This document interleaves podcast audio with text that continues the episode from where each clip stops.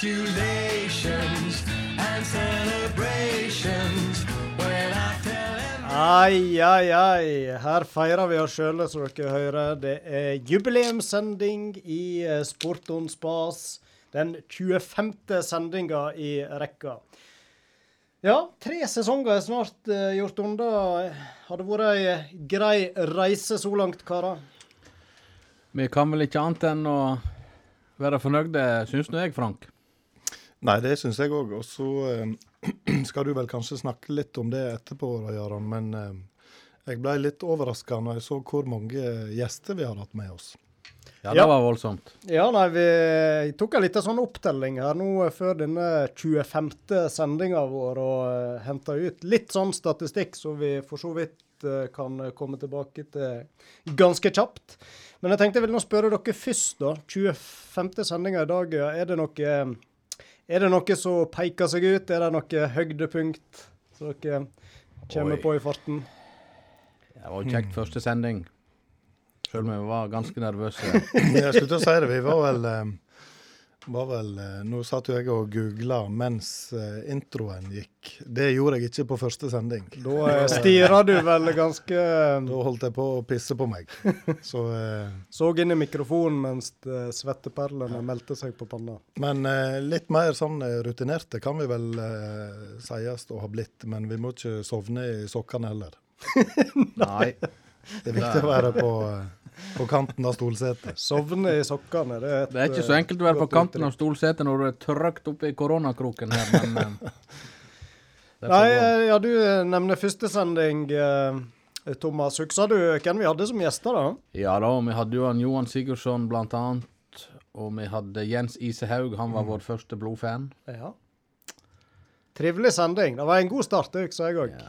Ellers Gode prater med disse karene der. så husker jeg jo sending nummer tre, da jeg og du satt der helt alene, Frank, i lag Ja. med Jarle Lødemel, stand-in. Da òg var, var pulsen høy når eh, programleder Mykle Myklebust eh, ikke kunne være til stades.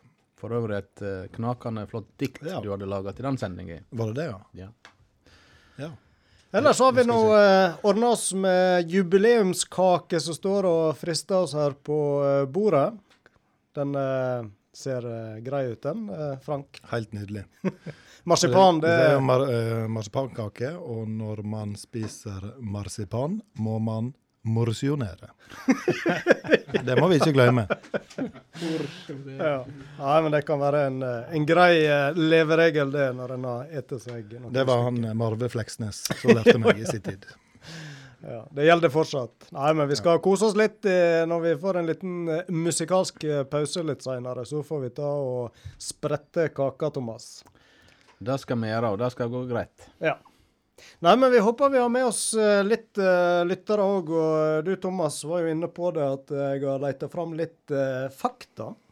Og jeg kan jo starte med når det gjelder uh, sendetid vi har hatt så langt. Disse 25 sendingene de har jo variert litt i, i lengd oppigjennom. Det er vel fra knappe 1 12 time og til litt over to timer. Så vi har jo vært litt sånn romslige når det gjelder å sette sluttstrek da, for sendingene. Men det jeg har regna meg fram til, det er at vi har hatt 2560 minutter med Sport om. Eh, Det tilsvarer da ca. 42,5 timer. Så vi nærmer oss to døgn med Sport om spa. Så eh, for de som ennå ikke har hørt podkastene, så er jo det litt å ta tak i der. Så så jeg eh, vi har hatt ca. 9000 avspillinger til sammen da, av eh, sendingene. Litt varierende hvem som har hatt mest. Eh, s- sendinga som var mest avspilt, vi kan jo ta med det, det var sending nummer 11 i rekka. Det var den siste sendinga vi hadde eh, i eh, ja, sesong eh, to, var det vel. Det var Nei, nå roter jeg. Eh, det var iallfall den siste sendinga av eh, sesong én, blir det. Ja, det må det bli. Ja, ja, ja. Og det var spilt av 450 ganger, ikke noe sånn svimlende tall. Nå har vi vel litt på FM-bandet og nettradio i tillegg, men eh, inne på podkastene der vi kan hente ut disse tallene. Jeg vet ikke om dere husker den siste sendinga i sesong eh, sesong én. Bare skyte inn at 450 avspillinger på podkast, det er jo et fullt kulturhus. Og vel så det. Og vel så det. ja. Det er en liten ekstra forestilling òg der. Så det, hva mer ja. kan vi forvente, Ja. tenker jeg. Nei, det må vi være fornøyd med. Jeg husker ikke noe fra sending nummer 11, altså. Nei, hvis vi ser litt på gjestelista der, så er det kanskje ikke så rart. Da hadde vi altså med Tore André Flo, eh, rett nok på telefon. Vi hadde med Kristian Valen. Mm. Johan Eirik Mæland, ikke kimsa han heller, og Kjell Petter Oppheim. Så det var jo en eh, sterk ja, ja. eh, kvatro. Ja, ja, det var en bra sending, da. Ja. Ja da. Uh, ja, jeg har litt andre tall her òg, jeg vet ikke hvor mye vi skal ta med. Men uh, hvis vi ser uh, hvor er det disse avspillingene er, så selvfølgelig så er det Norge da, som land det er flest avspillinger. Ca. 8000 av disse 9000. Vi glemmer jo aldri når Emil Allesø var på jordomseiling, holdt på å si. Da hadde jo- vi avspillinger både i Asia og Sør-Amerika. Overalt. Ja, og det, det jeg ser her, da, det er at på andreplass så er det USA med ca. 500. Spania ca. 150. Sverige ca. 70. Og Tyskland på en femte med ca. 50 avspillinger. Så det er jo ikke sånn høye tall, men det er litt interessant å se. eh, Og rekka er jo lang nedover med to her og tre der. Du sa USA. Hvor mange var det? Ca. 500. I all verden er det Med Trumpen. jeg styrer med? Nei, men Sverige må nå være han Morten ikke mye, sikkert. Ja, det, ja, Og det er vi glad for. Ja, vi setter stor pris på de som følger oss på nett, nettradioen eller podkast. Så har jeg òg notert meg topplytteren vår. Eh, et ukjent navn for meg, så jeg er litt spent på hvem denne karen er. Han heter iallfall Vidar Iversen. Og han har hørt eh, 121 ganger, så det betyr jo at eh, han har hørt eh, sendingene flere ganger. Da Eh. syns jeg at Vidar Iversen skal sende oss adressa si, så skal han få ei T-skjorte. Absolutt. Definitivt. Kan det være et eh, pseudonym? Ja, en, jeg begynner å lure. Vidar Iversen ja, men Ingen av oss har hørt om han, og det er jo mye lokalrelaterte ting vi styrer med. Så jeg er litt sånn nysgjerrig på hvem ja. Vidar Iversen er, så gi gjerne en lyd til oss. Så, Vi må få han med Ja, på han neste sending. ja. Og brått var han vekke. ja. Og så var det jo denne gjestelista, og jeg spurte dere to karene før programmet om, om dere hadde noen sånn idé om hvor mange gjester, enten i studio eller på telefon, da, vi har hatt med på disse 25 sendingene. og da følte vel du, Frank, du tok i og sa 75? Eller var det Ja, det var jeg som sa Nei, det var du 75. Ja. Ja. Altså, hvis, når jeg tenker på at vi har hatt 25 program nå, da, så kunne jeg regne meg ut til en sånn ja, rundt 80 kanskje. Men hvis jeg skulle bare tippa ut i løslufta uten å tenke på hvor mange program vi har hatt, så hadde jeg tippa 40-50. Ja, Da kan du faktisk gange den med to og vel så det. Jeg har telt meg til 103 unike bidragsytere, for det er noen som har bidratt flere ganger. Så det er jo en ganske formidabel gjesteliste, og der er det alt ifra de mer unge, lovende og ukjente, for å si det sånn, til topp innen både idrett og underholdning. Vi har jo nevnt Kristian Valen og Tore André Flo, og der kan vi legge på Jostein Flo og Bø-brødre og Anders Fannemell. Og, ja. Lista er ganske lang. Eh, de som har bidratt mest, ser jeg, det er han Harald Vartdal og Mats Solheim. De har vært med tre ganger hver. Oi, Så de eh, Ja, ja. er våre, nesten sånn stallgjestene våre blitt. Og mer kan det bli. Mer kan det bli. Eldstemann, eldste gjest. Per Sætre. Eller Vet du hva, nå ble jeg faktisk litt usikker når du sa Per Sætre, for uh, de er nok uh, helt i Jeg har notert et annet navn, skjønner du. Men Ja. eh, nå eh, Eivind Skjerven. Eivind Skjerven. Var det jeg har notert. Ja, ja. 83 år. Men mm. jeg ble litt usikker når du sa Per Sætre. Så det er kanskje noen lyere som kan arrestere oss hvis vi tok feil der. Men det er godt å ha med noen seniorer innimellom. Ja. ja det var litt sånn tallkuriosa. Artig å se litt hva vi 103, det var mye. Ja, det var det. Overraskende mye. Ja. Og lista ble lengre i dag. Vår eh, gode hjelper på teknikk og ellers, eh, Ove André, han har funnet fram at uh, Per Sætre han er 82 år. Så da er det Eivind Skjerven som ruver høgst, og trives nok godt med det. Krinsmeister i stavsprang. Blant annet. Veldig bra, karer. Da er vi iallfall i gang med jubileumssendinga. Og i tillegg til de 103 vi allerede har hatt, så skal vi ha tre flotte nye gjester i dag. Eh, Du Thomas eh, har vel oversikt? Da har jeg, for meg tru, Lonevik.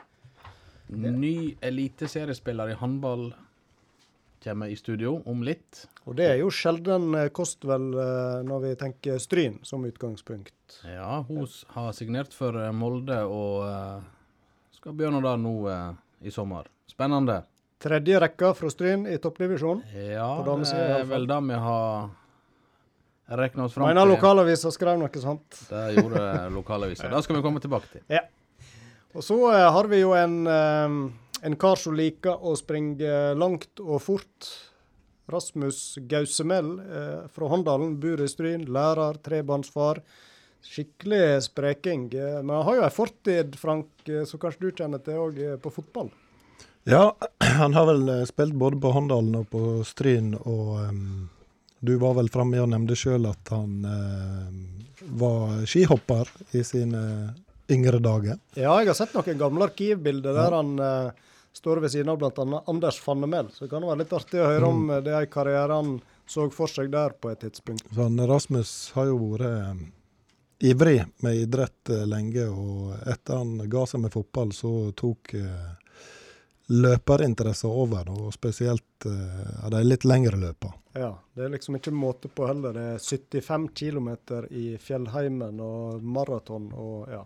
Så eh, jeg er litt sånn nysgjerrig på hva det er som er Hva er motivasjonen for å legge ut på sånne tokt? Det, Ja, hva er det som driver han? Jeg håper jo at uh, han svarer at eh, han da kan få høre på Sportons spas på øret i fred og ro mens han springer langs eh, lange, landeveien, men det gjenstår å se. ja, og Hvis ikke han har hørt noen av sendingene ennå, så eh, kan han legge ut på en ganske lang tur, som vi fant ut her i stad. 42,5 timer. Så det er jo ikke så verst.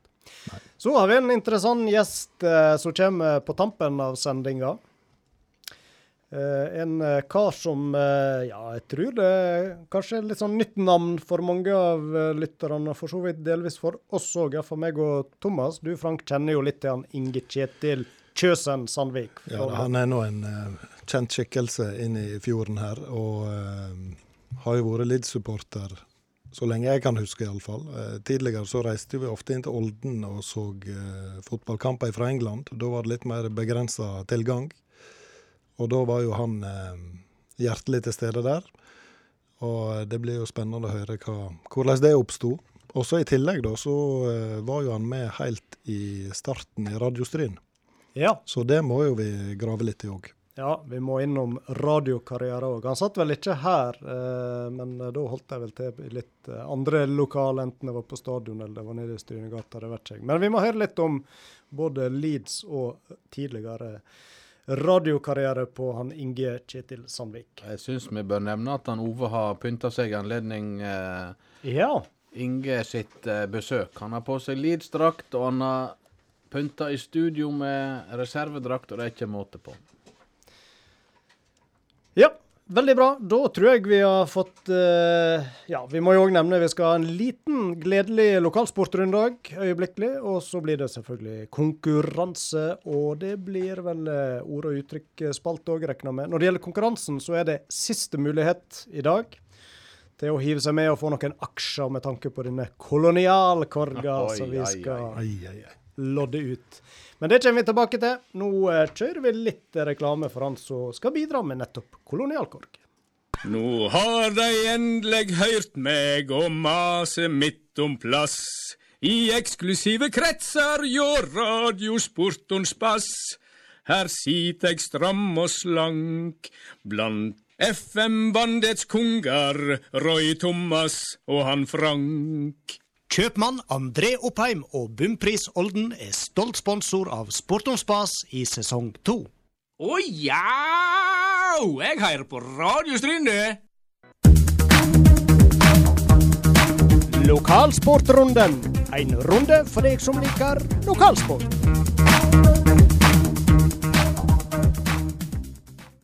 Jeg har breaking news i lokalsportrunden. Gledelig. Få høre, Thomas. Ja, jeg fikk melding fra Inge Asbjørn Haugen eh, nettopp. Hornindalsvatnet maraton i sommer er avlyst. Ja. Vi er verdens første lokalradio som melder det. I år hadde jeg faktisk tenkt å være med, men uh, gikk Synd. det i dass. Ja. Ja, ja. Nei, men det er jo situasjonen Det vil seg ikke, Frank, i år. Nei. Nei, det er jo, det er jo denne koronaen, da. Det er nok det. Men uh, samtidig så er det heldigvis noen andre ting det åpna opp igjen for. Og i helga så var det vel eh, et eh, aldri så lite friidrettsstevne på Byrkjelo, der vi hadde lokale folk med. Ja, der var det endelig eh, stevne. Rett nok for en liten liten del. Det var jo kun klubber fra ja, Nordfjord, litt fra Sunnfjord, som deltok. Sparebankleikene pleier jo å samle flere hundre, men denne gang så var det et fåtall som var med. Ruben Alexander Gjerde fra Olden. Han gikk jo til topps i tre øvinger. Det har han jo for vane å gjøre. 60 meter, 100 meter og lengde. Ja, han har jo slitt litt med sykdom og småplager gjennom vinteren, forsto jeg når jeg prata med han tidlig i vår. Eh, Jeg vet ikke hvordan ser tidene ut. Var det bra? Nå bra? var det, det spesielt 60 meter han sprang på 7,71. Det var visst eh, i motvind, så det er jo et kjemperesultat. Mm. Har jeg fått opplyst Ja. ifra Olden. Nei, det var vel eh, kraftig, kraftig motvind, eh, og det er jo ikke akkurat noe som eh, friidrettsutøverne er så glad i når de skal sammenligne tider med Han var jo den eneste fra Olden som deltok, og så var det sju fra Stryn. Deriblant Johannes Konstali Lødemel, og han vant 400 meter. Ja. Har du tid òg? Ja, men nå var det veldig lite, så jeg må Du har ikke lesebrillene med deg? Nei, jeg har ikke det, vet du. Vi kan komme tilbake ja, til det. Det går bra. Dette var ikke bra, veit du. Ellers var det flere med fra våre lukk. 54, Å, ja. 97, 54,97. 400 meter. Ja, men det er god tid. Kjempetid, da. Iallfall hvis det var delvis motvind òg. Ja. Halve løpet var vel medvind, siden det var 400 meter. Jeg vet ikke hvilket vindforhold det er nede på Burkjelo. Ellers så eh, var det jo eh, trekning av eh, avdelingene til Kretsligaen i dag. Ja. Det skal jo spilles i to avdelinger. Igjen pga. korona. Stryn Jeg hadde vel håpet at jeg skulle havne i avdeling med Eid og Måløy Frank, men eh, det ville seg ikke, som det heter. Nei, jeg fulgte jo den eh, trekninga live på Facebook, eh, og det var jo litt sånn eh, Champions League-trekning vibba over hele greia. Um, men der ble da Stryn trukket i lag med Jølster, Bremanger, Høyang, Kaupanger og Førde. Så spesielt når de to best sida lagene skulle trekkes, Eid og Førde, så hadde jo vel de fleste håpa å få Eid der, men det gikk ikke da. Og så enda jo òg Måløy i den andre gruppa, sånn at det blir ikke noe, noe lokale Nordfjordkamper for Stryn. Det er jo kampene mot Førde da, som peker seg ut som uh... Ja, sånn sportslig sett så, så bør jo det være Stryn og Førde som blir de to øverste lagene i den avdelinga. Og der må vel Førde få eh, favorittstempelet. Ja. Hva du tror om avdelingene? Er den ene sterkere enn den andre, tror du? Det er ikke jeg helt sikker på, altså, men eh, Eid, Måløy, Ja. Studentspretten er nå bra. Ja, Måløy er litt sånn usikker på, da, men det kan jo fort bli bra, det òg. De har jo slått seg i lag med Skavipoll. Um, så jeg er litt usikker, men jeg har mistanke om at kanskje den avdelinga med Stryn og Førde er den sterkeste. Da. Ja. Sa du når oppstart er, og hvordan opplegget blir nå? Med Ja, Det var vel en dato for det. Det var det 14. august? 15. august? 19. august, ja. Ja. Så da blir det jo hjemme- og bortekamp mot de eh, i avdelinga, og så blir det da plasseringskamper til slutt. Og det er fortsatt opprykk og nedrykk og Ja, så du sier vinnerne i hver avdeling møtes til kampen om opprykk, da, og så møtes møte nummer to, nummer to i den andre avdelinga osv. for plassering. Da. Så det blir jo en holdt på å si, vanlig tabell til slutt. Mm. Ja, Det ligger ligger vel kanskje an til Førde Eid kanskje i opprykkskamp, sånn på papiret. Hvis jeg skulle satsa en uh, tier på noe, så ville jeg tippa på det, ja. Men så får vi håpe at Stryn kan overraske litt. da. Vi satser på det. Det kan skje. Ja. Gledelig at det iallfall blir en variant, tenker jeg. Ja, og jeg syns forresten at eh, det var en, eh, en lur måte å ordne det på, når situasjonen er sånn som den er. Mm. Alternativet hadde vel fort vært å bare spille én kamp mot alle lag, da. Ja, det hadde det, men da går du Altså, da får ikke du hjemme og borte mot samme lag. Og du, ja. altså, det kan bli litt mer urettferdig da, enn en det blir nå, når en tross alt får møte de lagene en har i avdelinga, både på hjemme- og bortebane. Mm. Ja, har vi vært gjennom det vesle som har vært å eh, melde fra lokalsporten? Det er jo ikke så mye som skjer for tida, da. Men uh. Nei da, men uh, vi hadde nå litt. Det får være greit denne gangen. Det blir vel litt mer med vår første gjest. Det blir det. Da blir det absolutt mer eh, lokalrelatert sport. Vi spanderer på oss litt til musikk, og så skal vi gjøre klart med Lonevik i studio.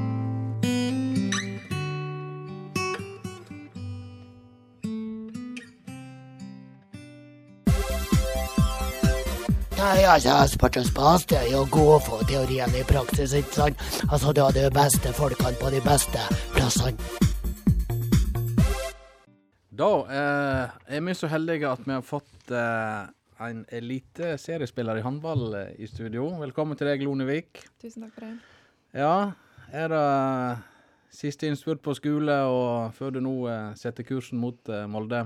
Ja, det er det. Jeg har eh, en eksamen igjen før jeg er ferdig utdanna sykepleier. Forhåpentligvis. Ja, så da eh, har du begynt å eh, forberede flytting og litt slikt til når du reiser nordover? Ja, jeg har fått meg eh, leilighet, så det står klart. Mm. Og Lonevik hun eh, signerte jo da for Molde for eh, noen få uker siden. Og eh, du blir jo da den tredje spilleren fra Stryn, har vi funnet ut, som blir å finne i Eliteserien. Oddny Grete Njøten var jo den første. Hun har vi hatt her i studio. Hun spilte på eh, Refstad Veitvet. Var ikke noen andre, Frank? Jeg, eh, eh, Nei, nå eh, setter du meg fast. Vet du, Jeg, jeg veit det sikkert, men jeg kommer ikke på det. Du har ikke lest Fjordingen, nei? Nei. Det må være i Sunde, kanskje? Sunde Hol? Nei. Å nei. Vet du det, Lone?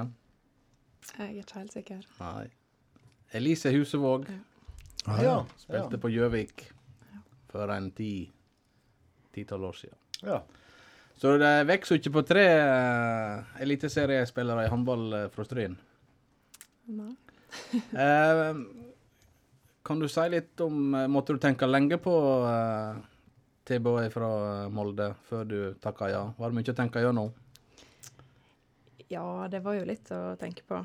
Um, men så var det jo òg litt eh, Volda Vi lå jo på tredjeplass i første divisjon, så var kvalikplass Ja. til uh, Eliteserien. Så det hadde jo litt å si, det òg, hva som skjedde med Volda. Men uh, samtidig så det er, ikke, det er ikke hver dag en får uh, tilbud om uh, å gå til en eliteserieklubb. Så ja. Nei, for du har jo nå eh, tre hele sesonger bak deg i førstedivisjon. ja, to i første, én i andre. Ja. Ja. Og Volda holder jo et, eh, for å si det slik, et anstendig nivå. De var jo, som du sa, helt i toppen eh, i sin eh, avdeling. Mm. Og du er jo linjespiller. Og jeg så på statistikken at du var nest mestskårende denne sesongen, så du har jo hatt en god sesong antakeligvis. Ja. Sa hun gledelig beskjed. ja, men um, kan du si litt om Volda, hvilken klubb da du, du reiser ifra? Ja, altså det er nå er en liten plass, og alle kjenner alle, og det er godt miljø og samhold, og ja. Det er jo veldig sånn eh, liten plass, og alle, hele bygda støtter klubben, og ja. Det er veldig sånn Var det med tungt hjerte du eh, Ja, selvsagt. Jeg har tri trivdes veldig godt i Volda, så det Har Volda ambisjoner om å rykke opp? Ja, det Ja. Er det det som er målet? Ja, forrige sesong så var vi jo på fjerdeplass, Mm. så målet var jo å komme på kvalikplass eller høyere i år. Mm. Så en kan jo ikke sette seg lavere mål neste sesong da. Hva sier sunnmøringer nå, da, at du reiser til Romsdalen? Det er vel kanskje ikke så populært? Nei, de ville nå gjerne at jeg skulle bli i Volda, men eh, de støtta valget. Ja. Hva, hva vet du om den nye klubben din, da? Ja, hva vet jeg om det? Nei, eh, de kom på femteplass i årets sesong. Mm. De satsa nå høyt og ja, godt treningsmiljø og ja. Har, de, har de landslagsspillere? Eh, Mari Molid har vært innom landslaget, og de har tre Obaidli-søstre. Anniken har vært innom landslaget. Men, eh, ja. Men det er vel ikke noen som er på landslaget akkurat nå. Så hadde de jo en dansk trener i fjor eh, som overtrener for det nederlandske landslaget. Helle Thomsen, så det er jo eh, Det er jo en klubb eh, De leker ikke butikk der oppe, virker det som. Nei. Thomas nevnte jo at du er i innspurten på sykepleierstudiene dine, og så forstår jeg du skal begynne å jobbe, eller håper iallfall å få deg en jobb ved sykehuset i Molde når du kommer dit. Men eh, du trenger ikke jobbe fulltid, for du er, du er litt sånn halvproff nå, er ikke du det? Ja, jo Eller helproff. Det var, Ja, nei, jeg skal nå jobbe litt. ja. Men det. Eh, du, du, får, du begynner å få litt eh, lommepenger for å drive med håndballen, skjønner jeg. Ja, Det er håndballen som er første pri. Men da er det, når det er så høyt eh, oppe, da er det vel trening hver eneste dag og kamp i helgene. Ja, det vil jeg tro. Ja, Var det sånn i, i Volda òg, eller? Ja. ja. det var det. Men eh, det er vel ikke helt sånn opplagt at du skulle ende der du er nå, for det er ikke så altfor lenge siden så eh, la du vel mer eller mindre opp eh, håndballkarrieren din. Ja, jeg gjorde det. Jeg, siste året på videregående det gikk jeg i Volda og spilte håndball for Volda, som òg da var i første divisjon. Men ja, fant ikke håndballglede og mista motivasjon, og det var ikke, var ikke noe kjekt lenger. Så jeg slutta. Um, ja, Flytta til Kristiansand og begynte på lærerstudiet og var egentlig helt ferdig med håndballen. Men så var ikke lærerstudiet helt for meg, og Kristiansand var litt for langt vekke hjemmefra. Så da ble det sykepleierstudiet i Ålesund. Og så eh, tok Volda kontakt med meg, og de trengte en linjespiller. Og lurte på om ikke jeg skulle begynne på håndball igjen. Så sa jeg nå ja, da. så Hva ble forskjellen da ifra når du gikk lei? Hadde det forandra seg, eller var det bare at du trengte en pause, rett og slett? ja, det var nok bare at jeg trengte pausen. Eh, og så begynte jeg jo litt forsiktig, skulle jeg si. Det var med to treninger i veka cirka i starten, og så ja, håndballgleden kom tilbake. Si. Det var kjekt å være på treningen. og Mm. Mm. Og, og nå når du er i en eh, toppklubb, og du nevner òg at det er spillere som har vært innom landslaget, er du, er du kommet der nå med ambisjoner om Du er jo ei ung jente, og åra framfor deg, er det er du begynt å drømme om kanskje en landslagsspill om noen år? Og Selvsagt er det en drøm, men jeg tar et ett steg om gangen. Og nå ja. Komme seg til Molde først, og Ja. Spille kamper. Ja. Nå er noen eh, Heidi Løke begynt å dra på åra, så det må vel inn en eh, erstatter på landslaget snart. Ja, dette må være greit. jo, men det er jo en del profiler i, uh, i Eliteserien som du nå får prøve deg mot. Ja. Det blir jo uh, en ny erfaring. ja, det blir veldig spennende. Ja. ja. ja, blir det rart å skulle spille mot disse som sikkert har vært forbilder for deg i noen år, og du har sett på TV, og ja, det er noe sånn det. Ja, selvsagt. Det blir ja, veldig rart. Hvem har du mest respekt for? Nei, det må vel bli hun Heidi Løke. Ja. Va- Vanskelig å komme utenom hun, kanskje. Hun spiller jo Hun må så bryte både nese og alt mulig. Hun, Mm. Men, men hva type spiller er du da, Lone? Hvis du skal beskrive deg sjøl litt. Ja, hva er jeg? Ehm, nei, jeg er god på mottak og er en god forsvarsspiller. Mm. Ja. Sterk. Ja. Ja. skal du være linjespiller, da må du ha litt muskler, tror jeg. ja. Tåle en trøkk. Ja. ja det, er jo en, det er jo en veldig fysisk eh, idrett med dessverre en del skader òg. Har du sluppet sånn noenlunde unna de verste skadene, eller hvordan har de Ja, jeg hadde en ankelskade for to sesonger siden, men det var nå bare noen uker. Så ellers har jeg klart meg bra mm. så langt. Men blir det, blir det en ny treningshverdag nå, eh, på en måte? Du får jo en ganske profilert eh, trener, annet. Tor Oddvar Moen, som jo har vært i Larvik i mange år, og i Ungarn nå sist. Mm. Ja, det blir jo litt annerledes i og med at jeg ikke skal studere og jeg ikke trenger å jobbe fulltid. Så det blir jo mer Ja. Du får bedre treninger når du har tid til å restituere òg. Ja. ja. Men hvordan tror du det blir å komme til Molde og eh, få rikelig med spilletid? Vet du noe om konkurransen eh, du kommer til å møte der? Sherin Obaidli er på strek, eh, og hun, eh, hun er god.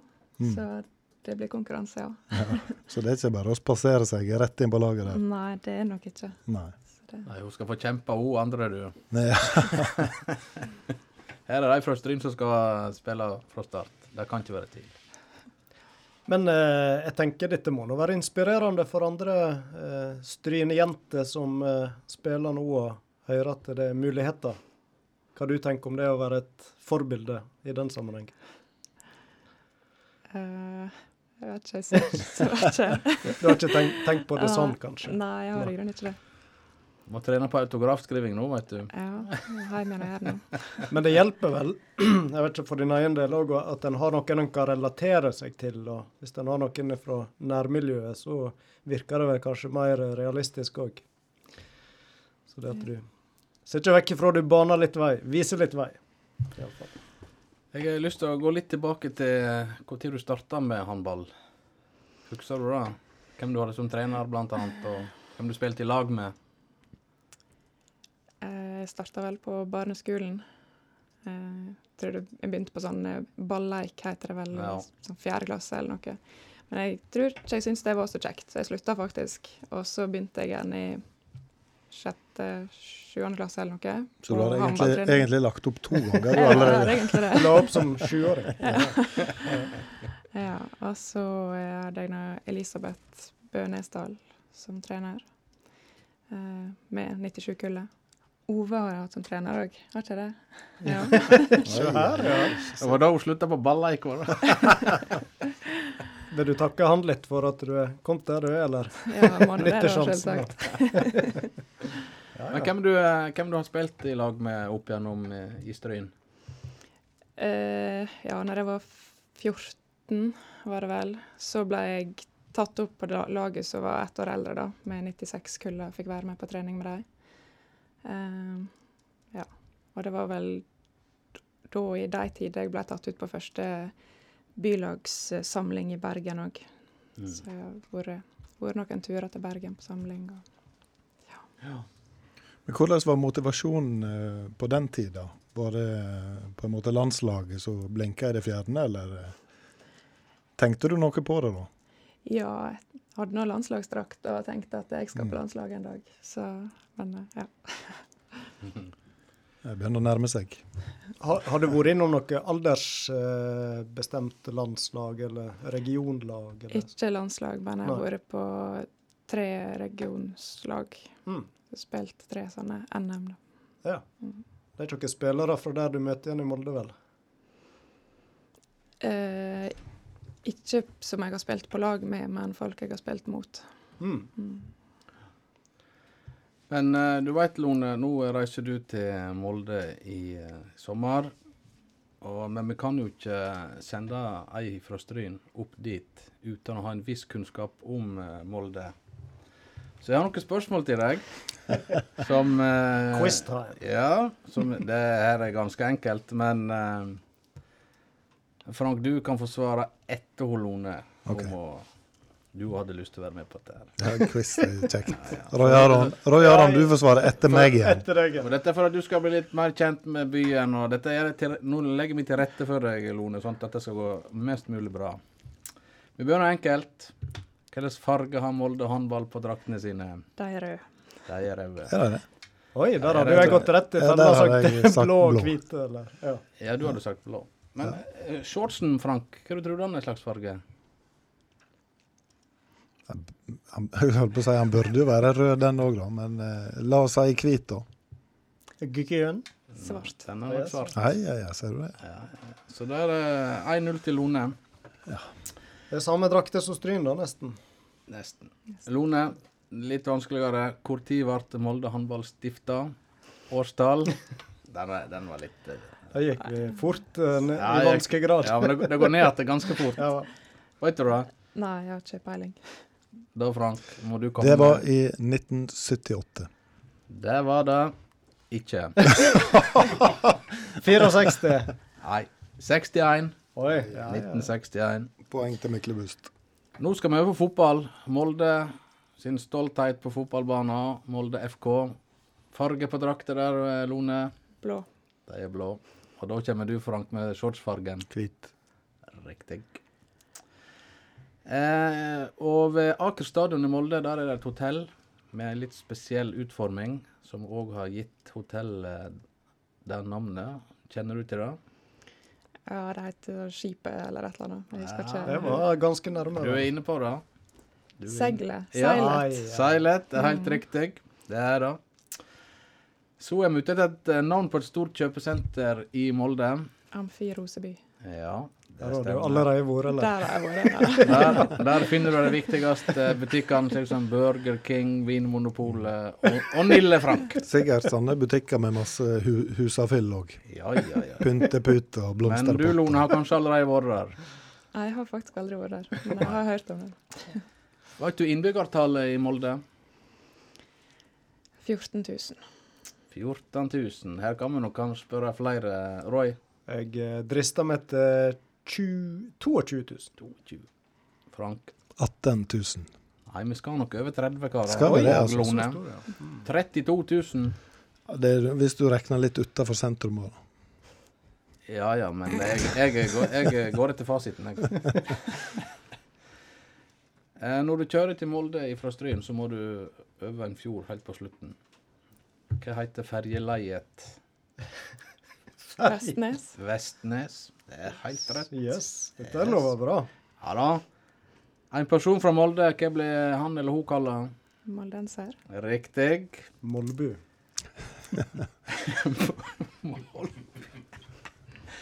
Og Molde blir kalt for Hva for noe? Molde by. Hva det blir kalt for? Ja.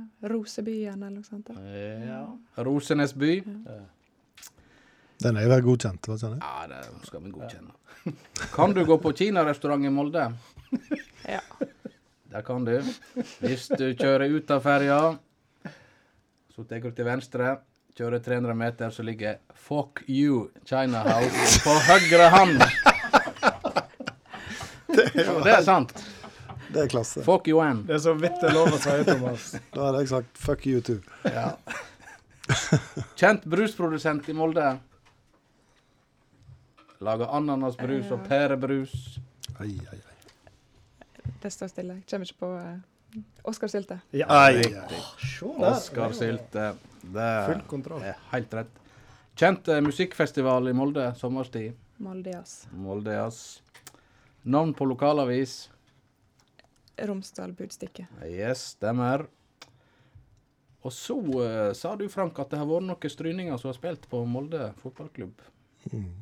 Har du noe eh, forslag der? Jan Egil Flo.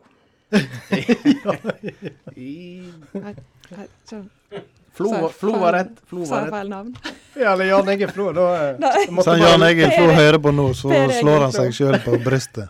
Per Egil Flo, det er én. Det er én. Kan du flere? Det er visst et par til. Ja, nei, jeg kan ikke flere. Det var før hun eh, Lone var født, omtrent. Ja, det var vel faktisk før hun Lone var født. Jostein Flo og Kjell Rune Flo. Og så Og så har faktisk han Tore André Flo vært der òg, i tidlig junioralder, mener jeg å huske. ja. Ingen offisielle kamper for Molde sitt A-lag, men han eh, var oppom. Men er, er du fra Stryn og skal spille på Molde fotball, så må du hete Flo, i hvert fall. Ja. Bonuspoeng for Jan Egil Flo. Det syns jeg. Så var Norge sin statsminister fra 1997 til 2000 og 2001 til 2005. Han var fra Molde. Kan du navnet på han? Stor Molde-supporter. Det var jo, du var jo ganske liten når han var statsminister. Ja, nei, jeg må svare blankt. Der kan du, Frank. Kjell Magne Bondevik. Riktig. Jeg syns du greide deg meget godt uh, på vår uh, Molde-quiz, Ja, Lone. Og du kan trygt reise nordover. Det høres bra ut. Men du må huske Kjell Magne Bondevik. Han er stor. Han er stor. Veldig bra. Da eh, besto du Thomas Taule sin test der, så da eh, kan vi vel eh, sende deg av gårde. Og så blir det jo spennende å følge deg videre da, når du kommer. Når sa du dere begynner med kamper, forhåpentligvis? Ting- Kampene blir vel ute i september en gang. Terminlista er vel ikke helt klar. Nei, det er vel mye usikkerhet der òg ennå. Ja, treningene begynner i midten av juli. ja. Nei, men da eh, sier vi veldig masse lykke til først da, til eh, siste eksamen, så du blir ferdig sykepleierutdanna. Og så eh, turen videre til Molde. Og Tusen tusen, takk. for at du kom her til oss i Sport om spas. Takk for meg. Sport og spas, like underholdende som god sklitakling. Da har vi eh, fått eh, besøk i studio igjen av en som eh, er bedre enn de fleste her i nærområdet, iallfall til å springe fort og langt på en og samme gang. Velkommen til deg, Rasmus Gausmel. Ja, takk for det. Ja. Ja, du eh, er jo en eh, spreking. Det har du vist eh, mange ganger. Senest i påska, var det vel, så eh, observerte jeg deg og var for så vidt med og lagde reportasje lokalavisa. Du skulle prøve deg på en sånn her en virtuell halvmaraton. Stemmer. Da eh, viste du jo at formen den er god, selv om du er både blitt trebarnsfar og sikkert ikke trener altfor masse for tida. Ja, nei, det, det gikk jo egentlig mye bedre enn jeg hadde trodd. Jeg, eh, jeg hadde jo satt meg et sånt eh, realistisk eh, mål om å snitte fire minutter på kilometeren, men det gikk jo Jeg kjente jo fort at det gikk rolig. Om det var sånn påskeoverskudd, eller om det var om formen er bra, så Nei, det var overraskende og kjekt, det. Så da, var, da ble det rett og slett en pers på 1.22,18, var det? Iallfall 1.22,18. Ja, et 1.22,18 er vel offisiell, eh, men eh, hvor offisiell den er, det er nå det er et virtuelt løp, og det er nå eh, GPS-klokken er nå Men er der i, omkring, ja. Ja. Og når vi sier virtuelt løp, er det sånn at vi er sikre på at alle henger med på hva vi snakker om, så er det jo at en springer kun eh, med seg sjøl, tar eh, tida og selvfølgelig passer på at det er rett distanse, og så kan du melde inn løpet da på eh, Dette var vel eh, Runners World, var det det som arrangerte dette løpet? Ja, det stemmer. De har arrangert eh, bra mange løp nå eh, under koronatida. Ja. Og da var det vel eh, 500, hvis det ikke var en, kanskje enda flere, eh, herrer som meldte inn eh, tider. Og eh, siste gangen jeg var inne og kikka, så var du nå oppe på topp 15.-plass iallfall. Så det var nå ei tid som Ja. Ja da, det, er- God- det, er jo, ei- det er jo en anstendig tid. Det, det er det nå absolutt. Så det var veldig kjekt, det. ja. Vi snakket om det innledningsvis når vi fortalte at du skulle være gjest her i dag. Så eh, det, det vi stiller oss spørsmål med da, det er jo hva, hva er det som motiverer, på en måte. Og det å pine seg gjennom enten det ja, maraton har du sprunget altså den doble distansen, 42 km på hard asfalt, eller det er fjelløp, Horningdal rundt, 75 km i, opp og ned fra fjell. Hva, hva er det som får, driver deg og motiverer deg til å pine deg? Nei, jeg tenkte egentlig litt på det når jeg kjørte innover her i dag, at jeg vet egentlig ikke helt hva det er som, eh, som driver det. Men det, det er jo klart, det er jo Det er jo på en måte det er jo med å utvikle seg, eller på en måte se hva god kan en bli, da, på eh, Det er jo på en måte en slags eh, en livsstil jeg jo det på en måte. Altså, jeg har jo alltid, alltid trent mye og, og vært glad i å være aktiv. og og så ble det jo litt sånn at jeg begynte å springe når jeg slutta med fotball. Og så uh, var jeg med på et løp i lag med en gjeng jeg studerte oppe i Volda. Ja. Da var liksom gjort. Har du ei tid, så skal, kan jo den alltids bli bedre. Sant? Så det, Men var løp noe som var styrken din òg som ja, fotballspiller, eller? Så da ja, Kondisen har alltid vært grei, men eh, det var ikke noe sånn, jeg var ikke noen sånn midtbanespiller eh, fordi at jeg eh, kunne springe mye. Det var ikke jeg. Det, så det, det var ikke noe sånn Det var ikke Øyvind Leonardsen? Nei. Nei. Det, det var liksom ikke noe sånn automatikk i at jeg har vært god å springe, på en måte. Mm. Men så um, har jo dette utvikla seg fra at du begynte å hive deg med noen løp. og uh, Tre år siden vel, da var du med i, um, i Horningdal Rundt, som uh, da hadde det NM-status, hvis jeg husker rett. Og da plasserte du deg på en ellevteplass, eller var det enda bedre i NM, kanskje? Var muligens noen utlendinger òg, så du kom enda høyere opp på lista. Jeg, du må hjelpe meg å huske Ja, elleve 11 var nå vel eh, Da var det vel bra snilde, tror jeg. Ja, det kan hende, men jeg lurer på om det er året før du tenker på at det var NM. 2017 Det var kanskje ikke NM det året, Ja, men det, det, ja. med 10 og 20 Ja. tipper jeg det var eh, der omkring, ja. Ja. Og da sprang du disse 75 kilometerne på jeg tror jeg har notert i dag 11 timer, 37 minutter og 47 sekunder. Det er helt korrekt. Ja. Er det persen òg? Ja. du ja. Og det er jo Jeg har liksom eh, Jeg sa Jeg har jo sprunget hånda rundt fem ganger. Oi. Hele distansen. Eh, og jeg har liksom sagt at jeg skulle under tolv timer, og når det var gjort, da eh, da skal ikke jeg Eller da skulle jeg iallfall ta noen uh, årpause fra hundene rundt. Ja. Og det har du- det har du gjort. Det har jeg gjort. Vel, vel, vel Hva er det som er um, ideell eh, ja, vær og vind og temperatur i, når du skal springe så langt som uh, 75 km? Nei, eh, temperaturen bør Altså, det bør ikke være for varmt. Nei. Altså, det, eh, det er jo ikke det verste løpet om det er varmt heller når du først kommer deg opp på toppene men det er klart, jeg har jo jeg har jo gått ned i skogene på vei opp på toppene der og, og følt meg som ei kyr som bare vifter etter fluger. Ja. Og etter hvert så gir du jo opp Ja. og vifter disse flugene. Så det er klart det at det, eh, det var ikke noe ideelle forhold den, det året heller. Altså, det var veldig sleipt. Eh, og så er jo det Jeg har jo min forse nedover. Eh, så jeg tok jo i mange igjen Altså, det er gjerne sånn at jeg taper tid til folk oppover, og så tar jeg dem igjen ned igjen. Det var jo et år jeg og han eh, Jarle Flo eh, Vi gikk jo om hverandre mange fjelltopper der. Han tok meg igjen oppover, så tok jeg han igjen nedover. Hvem, hvem vant til slutt? Han eh, brøt halvveis.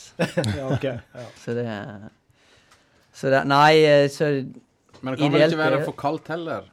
Nei, det kan det ikke være. Eh, Nå er jo det heldigvis eh, gunstig plassert sånn eh, temperaturmessig. Det blir, alfa, eller det blir sjelden kaldt. Du er ikke så, det er ikke så høye topper heller. Nei. Men det er klart, det, det, er- det jo langt, og det Mye kan skje på 75 km hvis det regner og, og er sleipt. Altså, jeg har jo gått i skodde og, og Men, men er det godt merka, og er det sti eh, stort sett hele veien, så du slipper på en måte å tenke hvor du skal gå, eller hvordan Hvor mye er du overlatt til deg sjøl til å velge rute og Nei, der har jo Hordaland Rundt gjort et fenomenalt eh, arbeid på merking. Altså Der er det Om det kommer skodde eller tåke, så ser du neste hvite prikk. Jeg har gått over fra røde til hvite prikker. For det var et problem for de som var fargeblinde første året. Uff da. Ja. Nei, så de har gjort en fenomenal jobb. Det er ekstremt godt merka. Eh, og så Min fordel har jo òg vært at jeg har jo eh, gått i disse fjellene før. Altså, jeg kjenner jo eh, stiene, og jeg veit jo eh, Du veit hvor Bare lu- luretoppene er? Ja, så sånn sett så har nok jeg hatt en fordel på, på konkurrenter som har kommet utenfra der, da. Mm. Men du er ikke overlatt mye til deg sjøl på hundene rundt. altså Det er veldig godt merka, og du følger egentlig eh, stien. Nei, jeg tenker Når du begynner å bli sliten sånn vel halvveis uh, uti der, så er det vel greit å slippe å tenke for mye hvor det er du skal sette kursen, kanskje. Ja, det, du har jo for så vidt god tid å tenke på et sånt løp, men eh, nei, det er helt sant at når det, det, det er jo et eh, Når du går så lenge, så er det klart du Det er mye Det, det er tunge perioder, og det plutselig føler du deg bra igjen. Og så det går litt sånn i bølgedaler kroppsmessig òg. Mm. Det gjør det. Ja, hvordan, hvordan eh, blir kroppen etter hvert, og når begynner det for alvor å melde seg eh, litt sånn eh, mer kritiske ting? Kan du si litt om? om altså Halvveis det går jo greit. Det, det er 39 km ca. Mm. Eh, og så Da er det jo gjerne mer folk, for da går du i lag med de som går halvt løp.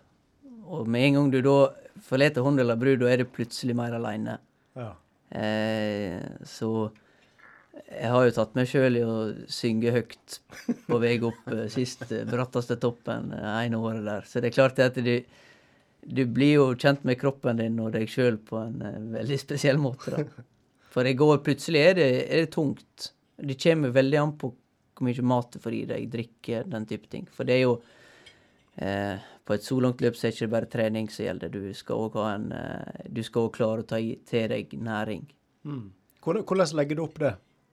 Har du med deg alt i sekken, eller har du plassert ut litt mat? Ja, der har jo jeg òg en fordel med at jeg har jo familie og, og veit hva de kan stå hen. Ja. Men jeg, første året hadde jeg med meg det meste, og, og så lærer du deg litt til hva du klarer å få i deg. Altså Etter hvert så blir fast føde ganske vanskelig å få i seg. Mm. Da går det mye smoothie og, og litt yoghurt og den type ting.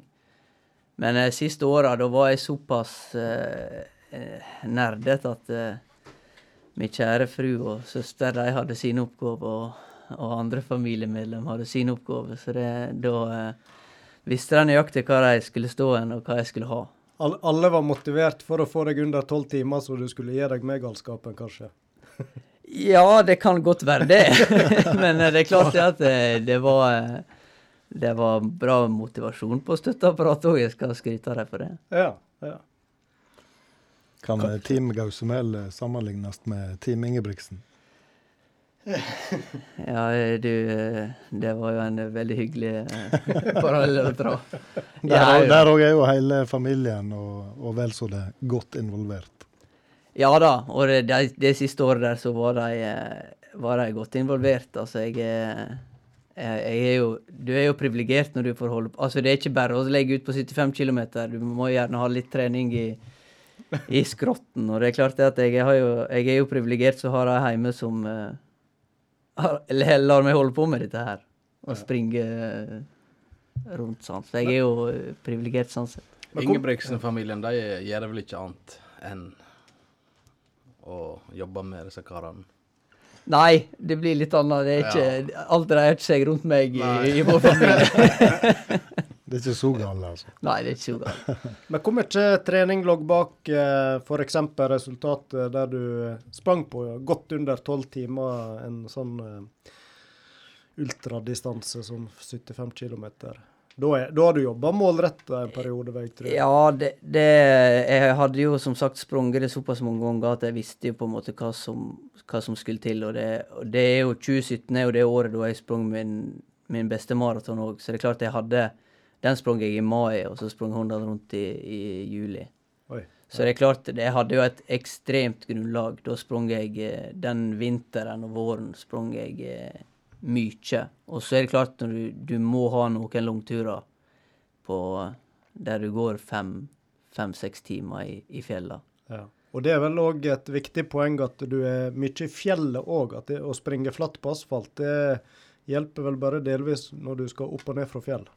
Ja, du kan ha så god kondis du vil, men det, du, du, det er jo gjerne det å springe nedover som faktisk er eh, verst for kroppen eh, og musklene i låra. Hva er det verste partiet da i, i Håndalen rundt, der du virkelig må jobbe med deg sjøl for å komme Nei, deg fram?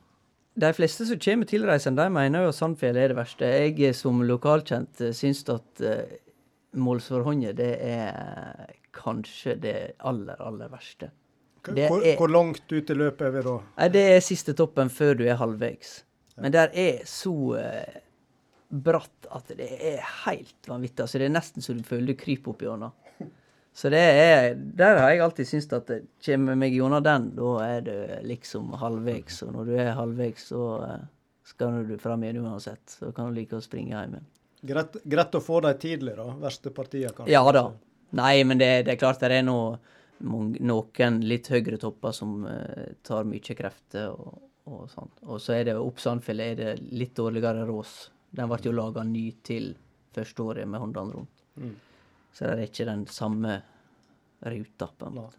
Men sånn som eh, Håndalen rundt er jo et fjelløp. Og eh, eksempel eh, været må jo ha mye å bety. Altså hvor bløtt det er i, i traseene. Ja, Det er noe det for er- forskjell å springe i myra og på, på en tørr sti. Ja, det er klart det at eh, det er ganske stor forskjell. Er det sleipt og regner mye? Det, det har jo det vært mange år. Eh, det, men det er jo gjerne sånn at for, for de som eh, springer litt i front Altså, nå hørtes det litt flåsete ut, men, men er du blant de 30-40 første, da, og ikke nummer 300, så er det klart du får ei litt bedre rås å springe på. Um, men det er klart det at det, det er jo sleipt. altså Der er jo parti der det er glatt, og det, det blir mer krevende å springe eh, med en gang det er vått og kaldt, og så blir det våt, og så blir det Ja. Så det, det har mye å si med været. Det har mye å si med, med næring. Så det er jo et løp der det er vanskelig å så stille personlige rekorder opp mot hverandre og den type ting. Det blir litt sånn som i langrenn. altså Du, du kan liksom ikke sammenligne tider på samme måten. For det er så mye som spiller inn. Ja, det blir ekstremt mange faktorer når det, når det er så langt. Du nevnte maraton òg, og det, persen din der ble vel sett òg i 2017, da? I Ja, det var tre- 3.03. 3.03, ja. Og der er, det er jo denne magiske tretimersgrensa mange jobber mot. Eh, Gjør, gjør du det fortsatt og ser for deg kanskje i år, da? Du har jo vist god form, som vi var inne på. Ja, det, det har jo alltid vært eh, Alltid sagt at jeg skal under tre timer på maraton før jeg, eh, før jeg gir meg. Eh, og eh, Det er vel en familierekord òg, har jeg hørt rykte om, som kanskje er litt eh, Ja, ekstra han, stas. han også. Inge Asbjørn han har profilert det mange ganger. Ja. Det, det er han, Pappa har vel et søskenbarn som sprang på eh, 3.00.00, sier de. Eh, Bittert nukk i seg sjøl, spør du meg. Men, eh, Men da var ikke han under tre. Nei, han har ikke vært under tre. Men eh, tre minutter raskere enn deg enn så lenge, da. Ja, eh, og, eh, men med den formen jeg viste på den halvmaratonen, så, så er jo det sånn Det er ikke Det som skal til, er på en måte tre-fire turer på tre mil i god fart. Da har, du det på, har jeg det på en måte. Men nå er jo ikke vits, for nå er det ikke et eneste maratonløp å springe. Nei. Før til eventuelt høsten, våren, så uh, vi får bare holde det gående, så Men du trener og holder deg, holder deg klar hvis det skulle åpne seg for løp igjen. Ja, og så er jo det litt sånn at når jeg, når jeg sprang den halvmaratonen, så enda det med at jeg blir jo bare mer motivert av den uh, igjen. Sant? Så, det, så det jeg holder det gående. Det har, gjør jeg uansett om jeg har noe å springe mot eller ikke. Men Uh, Hjelper litt jo- på motivasjonen, kanskje, å ha noen Ja, så ligger jo alltid denne tretimersgrensa ligger jo alltid der og lurer. Ja.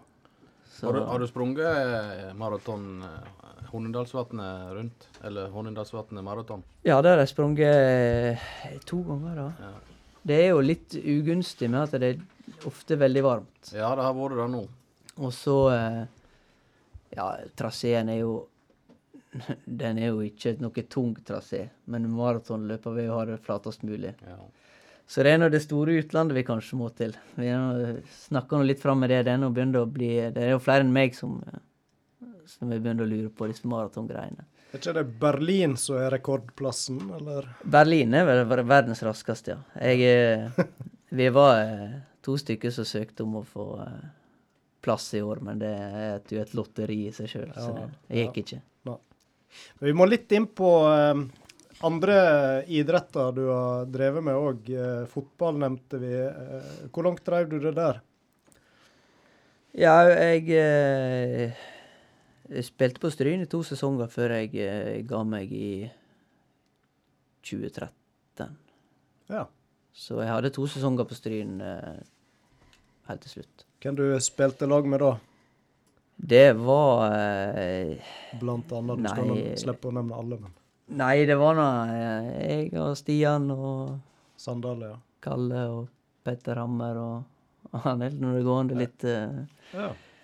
Nei, det var nå under den siste perioden hos eh, Dagmund som Ja. trener. Mm. Var du da i Håndalen før du kom til Stryn? Det var jeg. Der har jeg spilt sammen med Frank. Ja, det var kjekt. Ja, det var gode tider. Ja. Ja, jeg har spilt på Håndalen i mange, mange, mange år, og så flytta vi til Stryn, og da var det egentlig eh, Ja, det var en utfordring å ta. ja. Det var ikke fotballen som fikk deg til å flytte til Stryn? Nei, det var ikke fotballen som fikk meg til å flytte til Stryn. Altså, vi, vi, var, vi var ikke der. ja, ikke Ja, ja. Men hvis vi spoler enda lenger tilbake Vi har jo noen arkivbilder jeg har sett i Fjordingen eh, av eh, deg i hoppbakke i Flata, med bl.a. en som vi kjenner noe godt fra hoppbakken, Anders Fannemel og litt andre lokale eh, utøvere. Så, så skihopper har du òg vært? Det har jeg òg vært. Det er jo det er vel kanskje det jeg begynte først med, tror jeg. Ja. Jeg har hoppa på ski mange, mange år. Hvor, hvor det starta? Var det i Seljesetbakken, eller var det Ja, det var i Seljesetbakken. Nei, vi, vi hadde jo um, eh, naboene hjemme. Han, eh, der var jo han Stig Seljeseth, som eh, er jo den eh, Primus motor primus fall. motor og en meget eh, habil eh, hopptrener, viste det seg etter hvert. Ja. Eh, nei, så det ble litt naturlig at vi var nå med, og så hoppa vi litt, og så gjorde vi det i mange år. og Det er klart at da var vi på det nivået at du, det han Stig retta på oss på, var at vi måtte satse litt på hoppkanten. Ja. Og så eh, skjedde det jo no, noe når eh, jeg kom en liten jypling fra Fangemel eh, og skulle være med. Og da skjedde jo det plutselig noe med hele, hele gruppa og hele miljøet. Oh, ja. For da begynte en jo plutselig å, eh, å få det til litt. Og det ble på en måte um, litt mer dreis over det. Og så var vi plutselig et eget team. Team Vest ble jo danna, og da var vi plutselig seks-sju lokale gutter herifra. Og så litt ifra um, en par stykker fra Stordalen. Så det var jo plutselig en eh, fin gjeng, så, og da var det egentlig bare kjekt å holde på. Han, eh, Anders han er noen år yngre enn deg, vel? Han er tre år yngre enn meg. Ja. Så da eh, ble han rett og slett et lite forbilde, selv om han var yngstemann inn i gruppa, da, eller?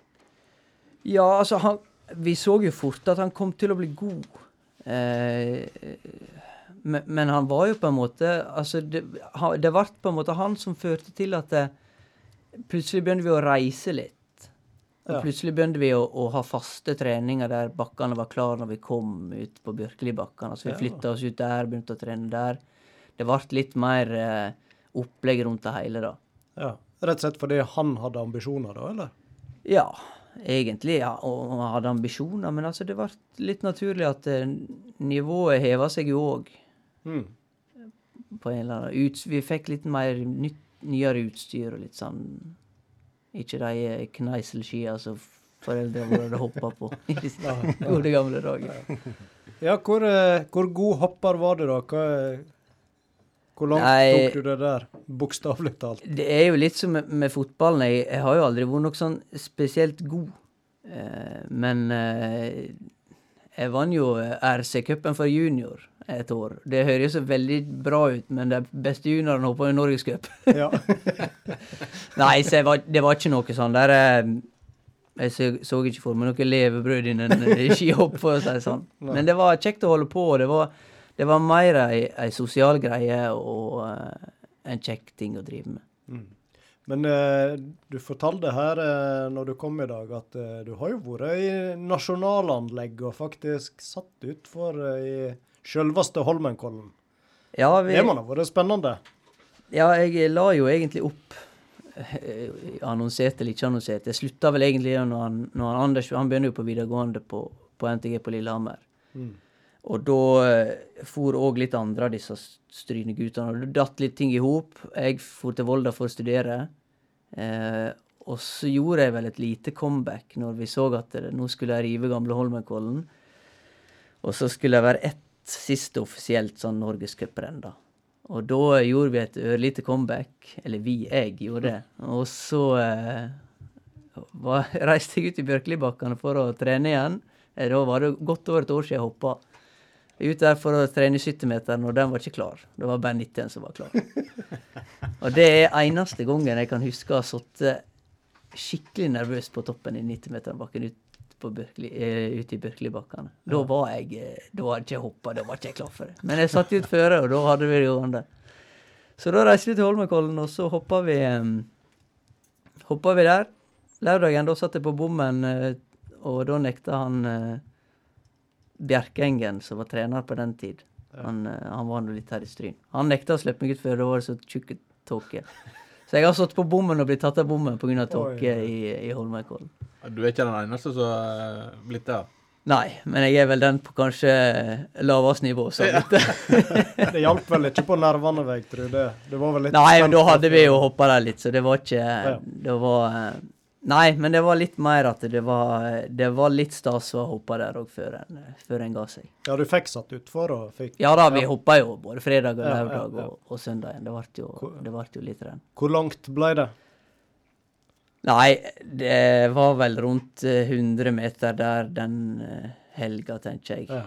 Om det var så langt. 90-100, kanskje. Det var ikke noe eh, Resultatlista den eh, har jeg vel aldri sett. Nei, jeg vil var ikke noe se heller. viktigste. Det er vel om lag 95 meter lenger enn oss, da, Frank. Ja, det er det. Sånn, sånn cirka. Ja, Det er allsidig bakgrunn, det må vi nok kunne slå fast. da. Fra skihopp til langløp. Det er jo et, Ja da, det... to forskjellige, vidt forskjellige idretter. Ja, så absolutt. Det Nei da, men som sagt, jeg har alltid vært aktiv, og det er jo litt det som, som driver og gjør at jeg eh, holder på såpass. uh, mye som jeg gjør. Mm. Jeg må jo spørre om du Fikk du 20 i stil noen gang? Nei. Og det hadde jeg aldri fortjent heller. Jeg tenkte på kanskje en, em, en ideell idrett for deg hadde vært en sånn kombinasjon mellom skihopp og langløp. der, der kunne nok hevda meg. Det, Kanskje det kan være en idé? jeg var nok Ja. mer den, eh, den eh, krafthopperen som var tidligere. Jeg hadde Ja. nok gjort meg bedre på 80-tallet, tror jeg. Det var mer kraft og lite flyt. I lag med Roar Stjernen. og- Ja, Roger Ruud. ja, ja.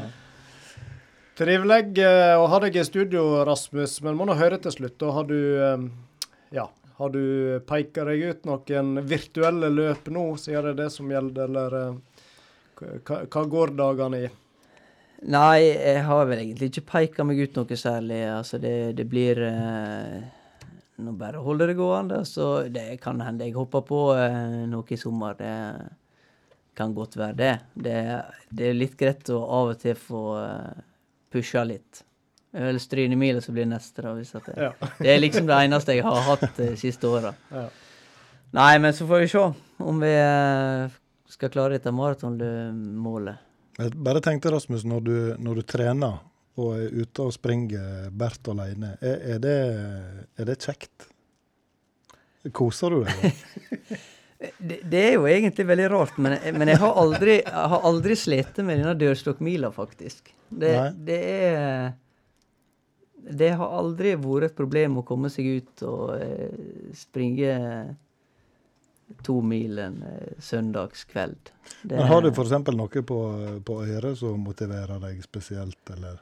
Ja, nå hører jeg mye Jeg hører mye podkast, og eh, det er jo ikke sjelden at dere er med meg på, på langtur. Det var det jeg ville Fikk du- Det var det jeg Fikk svaret! Jeg har nå sprungintervaller rundt uh, Strybo, der du, Frank, eh, kjører forbi pratende med meg på øret. Utrolig bra. Ikke tilfeldig at jeg var i bilen. Nei da, jeg har noen podkaster som jeg, som jeg eh, Som òg handler om løping, selvfølgelig. Så, eh, som eh, Inspirasjon. Det- Ja da. Nei, så det bruker ikke å være noe problem å, å eh, motivere seg. Det er ikke det. Har du noe forbilde når det er langløp? Nei, nå har jeg, nå har jeg bevega meg litt ifra, ifra fjelløpet. Nå er det plutselig ikke så mange topper jeg er på lenger. For nå er jeg blitt litt sånn der eh, maratonsæring som ønsker å springe flatt på asfalt. Og det er kun uh, kilometertider som gjelder. Ja, jeg tar meg sjøl i at det er jo antall kilometer i veka og kilometertider som, som eh, Så denne koronatida har jo gjort at vi eh, har jo kanskje litt godt av oss å gjøre litt annet. Springe litt motbakker igjen og, og eh, den type ting. Men eh, det viktigste er å bare holde det i gang. Den tar vi med på slutten her. Viktigst er å holde i gang, Frank og Thomas. Det kan vi vel si oss enige i. Så det får være oppmodinga til lytterne òg. En trenger ikke å konkurrere, men iallfall eh, holde seg litt i bevegelse. Det er det Vi har eh, gode muligheter her i Stryn. Tusen takk, eh, Rasmus, for trivelig besøk i jubileumssendinga vår. Kake det ville ikke du ha. Du kom rett fra bursdag, sa du. Men angrer du, så skal du få ta med deg på vei ut. Helt, på, helt til slutt så kan jeg bare nevne at jeg sa til min sønn Sokrates at vi skulle ha deg som gjest. Du hadde jo han på Tonning skole før han forsvant opp i Bø. Så jeg spor han om eh, han kunne si ett ord om hvordan det var å ha han Rasmus Gausemel som lærer. Ja vel. Og da sa han kjempekjekt. Oi, det er Ah, så ja, kjekt. ja. Ja, men det var hyggelig. Jeg tror han er en veldig populær eh, kar blant eh, elevene. Gode Det var kjekt å høre. det. Flott. Da sier vi tusen takk til deg, og ha en fin kveld videre. Ja, takk for at jeg fikk komme.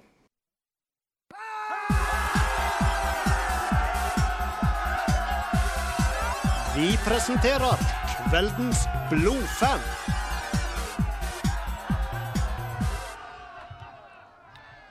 I kveld har vi fått med oss, som vi nevnte tidligere, han eh, Inge Kjetil Sandvik, som er eh, en eh, blodfan av Leeds, må vel kunne sies. Og i tillegg da en superveteran i Radio Stryn-sammenheng. Så det var jo egentlig på høy tid, at vi fikk deg eh, på plass her. Ja, med et liv i motgang som Leeds-supporter, så kan det hende sannheten må jo fram. Og så sa du veteran. Jeg Nei, jeg sa superveteran. Superveteran. En- enda verre. Enda verre. Nå Jeg sa òg i Radio Stryn-sammenheng. Ja, det òg, ja. Ja, ja. Ja, men da hjelper det jo litt. Grann. Ja, Ja. Men eh, vi kan jo begynne med ditt forhold til Leeds. Hvordan, nå er det jo mange Leeds-supportere fra Olden. Det er jo ei sånn eh, Leeds-grend, eller eh, Eller er det det? Ja, det er jo det. Og jeg har jo litt skyld i det, da. For jeg har jo forleda folk ut i et uh, Uføre. uføre. Spesielt eh, de som er yngre, da. Men for vi, har- vi har jo noen del i Stryn òg, for den del. Ja da. Men mitt forhold til Leeds det begynte i cupfinalen 1972. Wembley mot Arsenal. Hadde ikke noe særlig interesse for fotball før det, men da Hvor gammel var Unge Herr Sandvik var da? jeg eh, som superveteran, så var jeg da eh, Allerede da? Ikke helt da. Da var jeg åtte år. Og da eh, husker jeg det øyeblikket da jeg syns eh, Da det kanskje egentlig small, for å si det sånn. Det Mm. var, vi vant 1-0 mot Arsenal, og når Mick Jones dro seg fri på høyrekanten og fikk eh, lurt av Sammy Nelson backen til Arsenal og la inn i 16-meteren, og Ellen Sniffer Clark lå vannrett i lufta og hedda han forbi eh, keeperen til Arsenal inn i hjørnet. Det var det tøffeste jeg hadde sett. Og dette her høres ut som et eh, minne som sitter rimelig spikra. Det sitter rimelig spikra, og så har du jo sett x antall tusen ganger seinere, da, og så hjelper til å friske opp eh, minnet. Hvor var du når du så den kampen?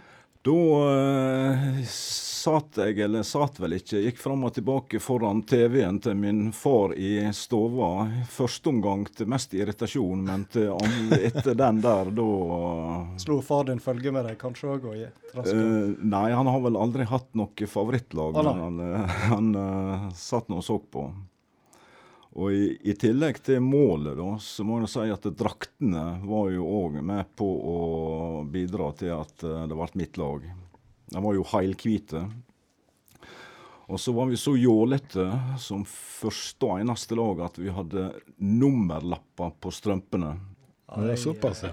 Og det var Det var tøft. Det gjorde inntrykk. Det gjorde inntrykk, ja. Men før du så, eh, så dette her eh, ikoniske øyeblikket, hva forhold hadde du til fotball da, husker du det?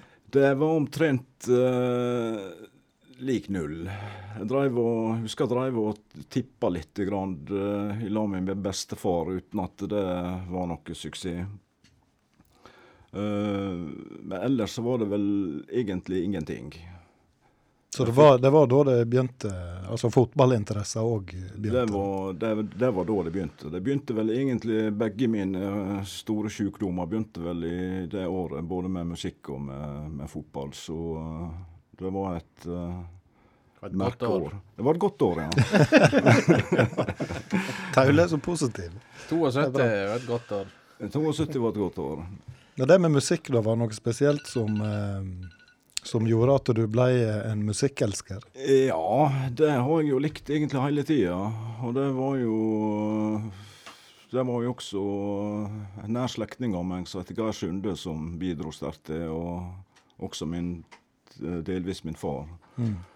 Så det Nå gikk det jo i 72, da husker jeg at uh, ABBA sin Ring Ring var det, det store. Mm. Det kan ikke vi snakke om så mye om. Det, det, det er ikke det store Ja, fortsatt? jeg liker det jo fremdeles, da, men uh, smaken er jo ganske utvida ja, etter hvert. ja. Men utover 70-tallet, Leeds Hvordan var Ja, nei, ståa i da? eh, Leeds de eh, var jo egentlig ingenting f før eh, rundt 1960, eller begynnelsen av 60-tallet. Uh, da lå vi og kava ned i divisjonene og kom vel egentlig aldri noen vei. Helt til uh, daværende eier, eller ikke eier, men chairman som det heter, ansatte Don Revy som manager. Og han, uh, første han gjorde, det var å bytte draktfarge, for vi spilte jo i blå overdeler. Og han tok uh, modell av eh, Real Madrid Ah, ja. og uh, gjorde om alt til heil hvitt. Men var ikke det ganske kontroversielt blant supporterne? Nei, egentlig, egentlig ikke etter det jeg har fått med meg, da. Det var vel kanskje noen som murra, men det ble jo egentlig ganske godt uh, mottatt. For han, uh, han bygde jo et helt nytt lag. Mm. Og den som Den spilleren som var med på mest, og så som var sentral i det nye laget, det var jo en Everton-spiller. Bobby Collins. Så Don Drevy snappa rett framfor nesa på Bill Shankly i Liverpool. Oi, oi, oi. Det var snakk faktisk om uh, timer. At han valgte Leeds kanskje et, uh, mente det var et døgn før eh, Bill Shankly ringte og skulle han til Liverpool. For frustrasjonen i Everton var for stor. Uflaks for han, da.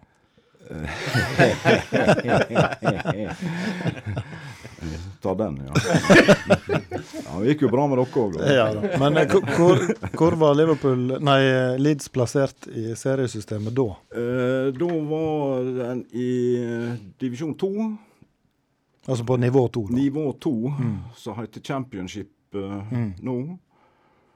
Og så rykka han jo opp da på jeg mener det var andre, eller, andre forsøk, og gjorde det veldig bra på resten av 60-tallet og fram til 1975. Jeg tror fra 1965 til 1974 så hadde vi en gjennomsnittsplassering i den øverste Altså det første divisjon, det som i dag er Premier League, var aldri dårligere enn nummer fire. Jeg tror det var én fjerdeplass og to ligamesterskap, og resten var andreplasser. Mm. Og eh, så begynner jo nedturen, da. Eh, Etter at vi Ja, så vant vi jo to eh, eh, vi, Ja, vi vant en cupfinale òg, og en ligacupfinale, mener jeg. Men så nedturen, som sagt, den begynte jo i 1975, da vi var i det som heter serievinnercupfinalen, som i dag er blitt Champions League. Mm. Og møtte tyske Bayern München. Og takket være en korrupt fransk dommer, så tapte vi den 2-0. Er det bare noe du sier som bitter Leeds-supporter, eller er det, eller Nei, det tilfelle? eh, bitter elitesupporter har jo vært flere ganger, men eh, den der var faktisk eh, Alle var jo enige at vi ble snytt for minst to eller tre mål. Ah, ja. Og det er jo ettertid eh, mer eller mindre bevisst at han var kjøpt og betalt. Så, men Bayern München hadde jo også et godt lag på den tid, med Beckenbauer og Gert Müller og Mm. Frans Roth og alle disse der. Som du kanskje husker? Det var i 75. Ja, 75. Ja, da var jeg eh, ne nesten født. Ja, Så det husker jeg godt. det husker du godt, ja. Men 80-tallet, da? Det forbigår vi i stillhet. Ja. For uh, Men du skal ikke så langt ut på 90-tallet før det begynte å gå bra? Nei, det skal ikke vi. For etter 1975, da var jo egentlig dette der laget som var bygd opp, og som eh, spilte fantastisk bra fotball, kanskje litt hardt eh, til tider. Det var jo da vi fikk navnet Dirty Leeds, for uh, Norman Hunter, han, han ble jo kalt Bite Your Legs. Så han ble jo Han sloss jo med Derby sin Francis Lee, og Billy Bremner han sloss jo med Liverpool sin Kevin Keegan i og det var attpåtil i Charity Shield-kamp i 1974. Så det var harde tak, jo. Men i 75 da var jo dette laget gitt sitt. Det var jo blitt slite, og det var ikke så mye mer å gi. Og så gjorde de jo tabben eh, litt i forkant at eh, etter at Don Revy ble eh, engelsk landslagssjef, så ansatte de jo da Brian Clough. Og han varte i 44 dager. Og han hadde jo uttalt uh, før, med stor suksess i Derby, at han hata Leeds, men likevel ble han uh, ansatt. Det er et godt, bra godt han utgangspunkt. Godt, godt han holdt i 44 dager. Hva, hva som gjorde han uh, fort på hodet og ræva ut, da? etter 44? Nei, det var jo kontroverser med fans og ledelse og spillere og alt sammen. Det fant jo ganske fort ut at dette der uh, Dårlig gikk match. Ja, det var rett og slett en, uh, vel kanskje en av de dårligste matchene som har, uh, har vært. Men han gikk jo videre og fikk stor suksess med Nottingham Forest. Og Der vant han vel serievinnercupen, gjorde han ikke det? Det stemmer. Ja. Han var nå en legende i Nottingham, han. Ja da, visst var han. Så han eh, Han har jo vært blant Englands beste managere, men han passer ikke Leeds. Og da ble Jimmy Arnfield han ble huka inn fra, så vidt jeg husker, Burnley, av alle lag. Men han fikk jo stabilitet igjen, og det var jo han som leda Leeds i serievinnercupfinalen. Men etter hvert da, så eh, var spillerne begynt å dra på åra og slitne, og vi klarte å holde oss uh, i øverste divisjon fram til 1982, og da var det slutt. Og da lå vi og vaka ned i andredivisjon igjen med masse spillere inn og ut, og lite stabilitet både på spillerfronten og på managerfronten og alt dette her. Helt til vi holdt på å rykke ned på nivå tre. Da fant de ut at de måtte gjøre noe. Og i 1988 var det vel, så ansatte de Howard Wilkinson. Og da ble det fart på saken. Ja, det ble uh, iallfall en helt annen struktur. Og det ble satsa på junioravdeling, og det ble eh, gjort eh, anskaffelse eller kjøp av eh, ja, smarte kjøp av spillere. På samme måte som uh, Don Revy hadde tatt uh, Bobby Collins fra Everton som en eh, general, så uh, fikk Wilkinson tak i en uh, spiller fra Manchester United av alle lag òg, som var begynt å bli lei Ferguson. Det var Gordon Strachan. De hadde jo jobba i lag i Aberdeen i Skottland og vunnet ligaen for første og eneste gang, utenom Rangers og Celtic, for det må jo være den minst spennende ligaen i hele Den og den franske. Den franske nå, ja. Nei, så da ble uh, han huka inn, og så eh, kjøpte han uh, Eller fikk tak i smarte kjøp uh, der spillere var litt på ut kontrakt og kanskje på øverste nivå var sett på som begynte å gå ut på dato. Men satt i hop da et, et lag som fungerte uten de helt store navnene. Og så satsa de knallhardt på utvikling av junioravdelinga. Mm. Og det skulle jo vise seg å betale seg når det kom uh, mer opp på 90-tallet. Så da, i 1989, var det vel, så rykka vi opp til første divisjon, som det hette fremdeles. Og på forsøk to så klarte vi mot alle odds og med stor overraskelse å vinne ligaen i 1991-92. Det var siste året det het førstedivisjon, før det da ble reorganisert til Premier League neste sesong. Mm. Hvem var de mest sentrale på det, det laget? Det var jo da Strekken var vel en av dem. Strekken var jo absolutt generalen, men du hadde jo da eh, spillere som eh, John Lukic, keeper i mål, som senere for til Arsenal. Du hadde da eh, et, eh, en stopperduo, Chris White og Chris Fairclough, som var sett på som kanskje litt eh, over middagshøyden. Så hadde du jo en uh, wingback som heter Mel Sterland, som forte da spissen Lee Chapman med flotte innlegg. Og han hadde jo litt av Ellen Clark sin stil, der han lå vannrett i lufta og vaka som ei gjedde i sivet. Og, så det, så det var Det var smart sammensatt, samtidig som de da etter hvert dro inn eh, juniorer. Jeg må jo si også at de gjorde et lurt kjøp i oss for Rod Wallace fra Southampton, som eh, også gjorde laget mer eller mindre komplett. Og så hadde vi jo da David Batty, som var egen avl, og Gary Speed også, som eh, Så de var kommet opp fra junior. Eh, Bare spør Inge. Du kan jo utrolig mye detaljer her, hører jeg, om, eh, om laget tilbake. Men hvordan, eh, hvordan eh, fulgte unge Sandvik med på dette gjennom 70-80-tallet? Vi hadde jo ikke internett. og Hvordan klarte du å oppdatere deg på siste nytt fra klubben? Ja, han hadde eh, BBC radio Ja, på kortbølge og mellombølge. Så da er du interessert? For å sitere Arne Skeie fra vi som er litt over middels interessert i fotball. Nei, det var jo ikke bare Leeds i denne perioden, da. Du hadde jo det som en hobby. Du satt jo og lagde arbeidsbøker hjemme og klippte søndag alle aviser før både bestefar og far hadde fått lest dem. til Du fikk kjeft mange ganger. og Lagde sånn uh, utklippsbøker og sånne ting med artikler. og det var jo så gale en periode at hvis ikke du fikk med deg alle resultat fra øverste til fjerde nivå, pluss Tyskland og Skottland, så var helga ødelagt.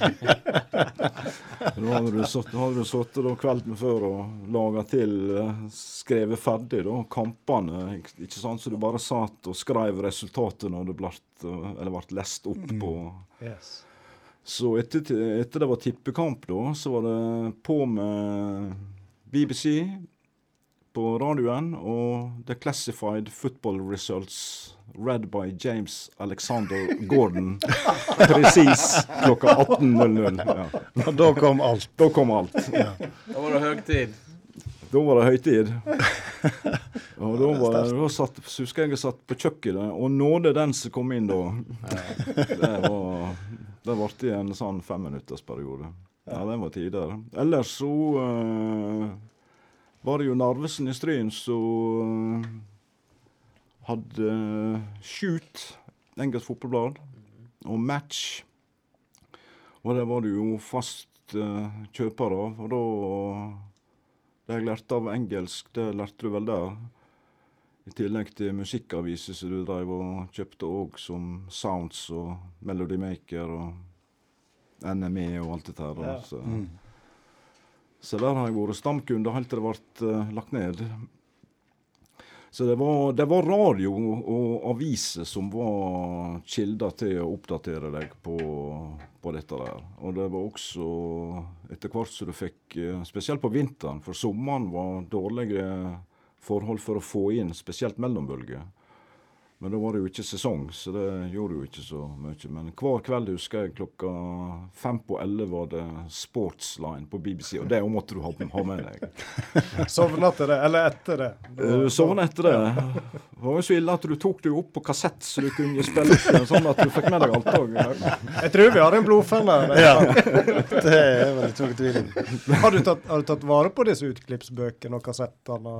Eh, kassettene er vel spilt over med musikk i sin tid, men eh, jeg har mesteparten av utklippsbøkene og alle årgangene med shoot og match. og Yes. Ikke minst tippebladet Tips var jo den eneste norske, norske Helt til eh, da, da prøvde jo seg med også et eh, bladet Fotballrevyen, og senere Sport i bilder Og da. Så du kjøpte jo alt, veit du. Du var jo helt idiot.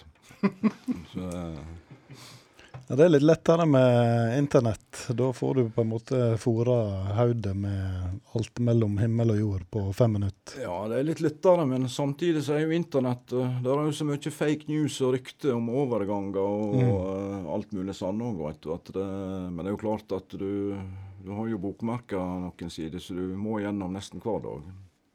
Så det er Det er en helt annen verden nå, ja. Så regner jeg med du er medlem i en supporterklubb. Det er jeg, ja. Ja. Nummer eh, 12-11, tror jeg det er. Oi! Men så kom jo eh, til 2000 og semifinale i Champions League. Ja. 2001 var det da. Eh, det var vel i 2001, ja. Det var et etter, etter suksess på, på 91-92, så hadde vi også en, en bra periode. Og, og etter Wilkinson ga seg, for sesongen etter vi vant, så holdt vi på å rykke ned. Vi vant jo ikke en eneste bortekamp i påfølgende sesong. Så da måtte det forsterkes. Og da òg ble det jo gjort litt, eh, litt bra kjøp. Og så var det jo George Graham som ble manager etter Wilkinson fikk uh, fyken da på manglende resultat. Og han var jo mer eh, Han kom jo, var jo Arsenal, så han eh, var jo litt mer kjedelig i stilen. Men han, eh, han klarte jo også å skape en slags stabilitet og kjøpte nok spillere. Og så kom David O'Leary, også eks-Arsenal. Og han gjorde jo enda mer su suksess. Men problemet også på den tid var jo at både lønninger og overgangssummer var jo begynt å skyte i været. Og også budsjetter og styrevesen. Og etter hvert som vi fikk være med i Champions League, så begynte vi å budsjettere med Champions League automatisk uten at vi hadde kvalifisert oss. Og blant annet så hadde jo Gullfisken på skrivebordet til chairman Leslie Silver et årsbudsjett på 5000 pund. Det må være tidenes mest luksuriøse gullfisk. Det er vel bare kalkuner til Equinor borte i Houston som kan slå den. Og da, du, da eh, for et, Etter den semifinalen så eh, klarte vi plutselig ikke å kvalifisere oss. Vi havna på femteplass, og da ringte alarmen. Da var det jo mer i oppløsning. Vi solgte vel et uh, Heirin Stjernegalleriet vårt uh, i løpet av to år.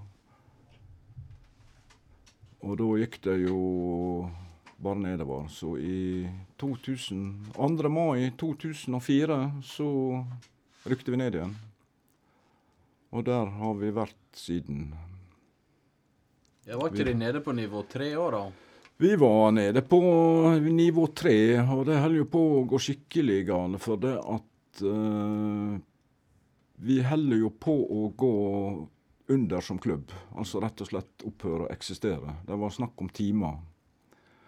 Og det har jo Leeds gjort før, for uh, Leeds United var jo stifta i 1919. Det begynte jo som Leeds City på slutten av 1800-tallet. Og pga. økonomiske ulymskheter der òg, så forsvant jo Leeds City, og da ble Leeds United stifta i 1919. Og Det er noe som heter at historien har en viss tendens til å kunne gjenta seg. Uh, men det gikk bra for uh, en viss Ken Bates fra Chelsea, som hadde solgt til Abramovic. Han eh, kjøpte og overtok eh, klubben og styrte med jernhånd. Og så starta vi vel på nivå tre med ganske mange minuspoeng, mener jeg husker. 10 eller, 10 eller 15 minuspoeng. For da var det kommet noen sånne nye regler der eh, sånn økonomi og greier da, eh, under administrasjon og et eller annet sånt. Men vi var på nivå tre i hvert fall to sesonger, mener jeg husker. Og da Simon Grayson overtok som eh, manager eh, sesongen, da rykka vi opp.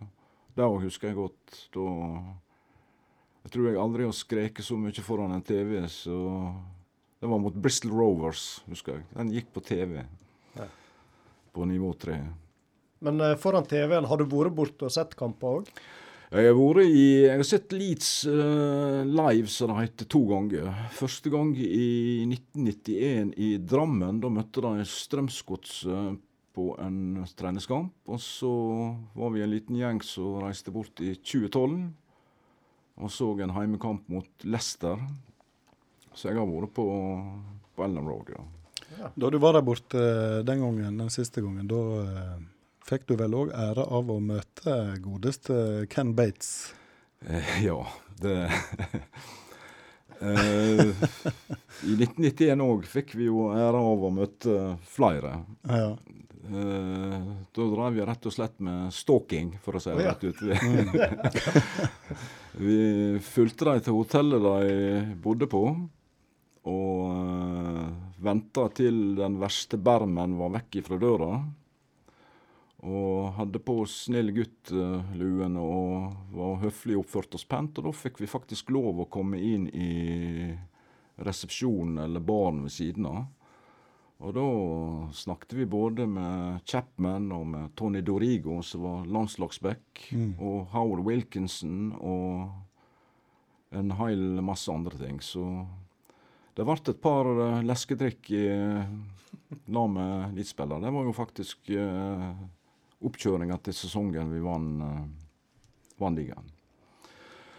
Da vi var i Leeds i 2012 da var vi jo eh, Da hadde vi ladda lommene med plastkort vi skulle eh, da ukritisk bruke på Sunnvirshoppen eh, dagen før kampen.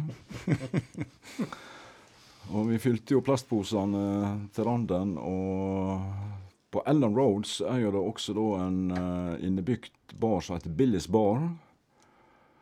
Og for å leske strupen innimellom shoppinga, så gikk vi opp der.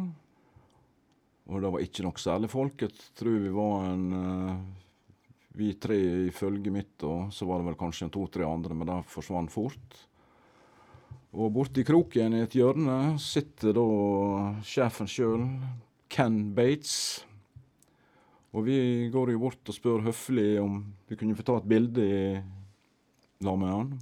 Snill gutt-luene på igjen denne gangen? Eh, snill gutt-luene var vel kanskje litt på snei akkurat da. eh, Ken Bates han hadde ikke snill gutt-lue i det hele tatt. han hadde en helt annen lue på seg. Så han var rett ut dritings. Da var klokka halv to på midt på dagen. Kampdag? Halv to midt på dagen på fredag før kampen. Og selvfølgelig skulle vi få ta bilde. Det var no problem. Og han lurte på hvor vi kom ifra da. Vi kom jo da fra Norge og smørte på litt med 'Deep in the middle of nowhere in the fjords' og alt dette greia her. Og da ble det jo invitert til å sette oss ned med bordet. Og han ropa på bardama da, og ba hun ta med hans egen private flaske med Fernet Branca. Så han spanderte to runder på alle oss tre og, og prata som en foss, og vi kom med forslag til spillerkjøp. Og han eh, noterte. Han noterte ikke. Han, og husker antageligvis ingenting. Han eh, heller spurte oss om vi hadde noe forhold til penger. og da bare tok vi opp posene våre, og så viste han alt vi hadde kjøpt på suveniren, og så sa vi 'not today'. Men det var jo, det var jo et artig en artig opplevelse. Jeg tror ikke Ken Bates husker så veldig mye av det. Hvordan var formen hans dagen etterpå? da? Så du han på Vi siden? så han aldri igjen. Eh, på, etter kampen mot Leicester på lørdagen da, så var vi på årsavslutninga også på Det er en sånn stor sal ved siden av Ellen Road der de har som festlokale, så de driver også og leier ut. Og det var liksom årsavslutning før for sesongen, der de delte ut eh, årets spiller, eh, og alt mulig sånn. Og da havna vi jo bordet ved siden av dag, dåtidens manager Neil Warnock.